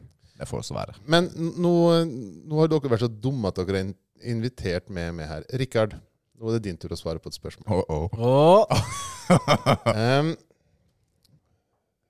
vil du ha ofra seieren over Hades mot 250 kilo i mark? Oi. Ja, Du vil aldri slå Hades. aldri. Aldri. Men i løpet av 2023 så drar du 250 i mark. Ok. Så, men dette spillet er, altså, si det er overførbart til andre spill jeg også er veldig glad i. da, også. Det er eh, 250 i mark. Den eh, Vi har jo snakket litt om det tidligere. Trening er den som vi beholder i livet istedenfor gaming. Det er ofte det, altså. Fordi vi føler at det gir oss så mye mentalt. Jeg hadde tatt, eh, jeg hadde tatt marken. Mm, det hadde jeg også. mm. Mm. Det er Og, det, og dette, kun, dette kunne vært Destiny, det kunne vært hva som helst. ikke sant? Et eller annet spill du setter veldig veldig pris på. Og, og du som har tatt Jeg har aldri tatt 200 i benk. Det, det fins en del ting jeg kunne ha bytta mot 200 i benk. altså. Mm. nå for ja, ja. Og, det, og det, folk kan sikkert nå er ikke sikkert, De som hører på denne podkasten, er jo litt i vår gate. Mens andre folk her hadde jo ledd seg skakk av oss. Men, men, men de kiloa er viktige, altså. Mm. Ja, det er, det er det. Det betyr noe for en selv. Ja, det gjør det. Du vet hva? Vi har kommet til veis ende, Egil. Det har vi. Takk. Det har vært helt fantastisk å ha deg som gjest. Virkelig kjempegøy. I like måte. Dette har vært dritkult. Og tusen takk for at vi kunne komme og besøke deg og Kikki på, på treningssenteret deres. Har du lyst til å plugge noe før vi, før vi går? Jeg, syns jeg har fått uh, Plugga underveis? Alt, alt er plugga. Nei, det er um, Det var en liten shout-out til alle foreldre der ute. Alle fedre og mødre som faktisk eh, står på og jobber og ikke får noe klapp på skuldra eller applaus på verandaen under korona. Det har vært litt av en tørn for foreldre de siste to åra. Altså. Ja. Så hvis du er mamma eller pappa og hører på, så er vi tre her i hvert fall veldig stolte av dere. Ja, virkelig. Mm. Mm. Tusen takk for det, Egil. Og dersom du befinner deg i Stokke-området, ta en liten tur innom Borgerskogen treningssenter. Eh, Hjertelig velkommen, alle sammen. Det er bare å følge Egil på Instagram også, f.eks. Egil Berle Jonsson. Jonsson? Jonsen. Jonsen. Jonsen. Mm. Eh, og hans kjære fru Kikki er også der. Masse oppdatert på trening eh, på begge to. Vi eh, har ikke nevnt neste ukes treningsøvelse, Nils. Det er pullups Ja. slash hangups. Vi har Ja. fått inn begge. Mm. Eh, så da kjører vi det. Det er en øvelse jeg liker veldig godt. Du liker den. Jeg er ikke så fan av den. Jeg, jeg kjenner spennende. allerede karakteren komme. Det gjør det, ja. Ja, Du har den inne. Har Eh, det blir spennende. Husk, send oss forslag til treningsøvelser. Mm. Vi tester nesten alt som kommer inn. Ja, men altså, det går i en Så hvis sånn dere bank. tester hip thrust, så tester dere alt. Ja, ikke sant? Nettopp. Dette er Eh, et godt poeng, altså. hva heter den derre Donkey Calves eh, Donkey Calf Race. Ja. Donkey calf race, Ja, ja. det er favoritten vår. Vet du hva, det- Vi har hatt så mye gøy med Men Donkey gjør Calf det med et menneske på stussen? Ja, det er Ja. en bil som meg. Ja, vi har ja, ja. gjort, ja, vi har gjort Det fins maskiner, nemlig. Å, Ja, ja, det fins Donkey calf race machines. Men hvis du gjør det med en kompis, da er du, det er hardcore. det er gøy, ass. Det Det er er, så gøy. ok, tusen takk for i dag. Tusen takk for i dag. Ja. Og så ses vi eh, neste uke. Ha en god uke. Høres på Spotify. All right. Ha det. Bye. Ha det.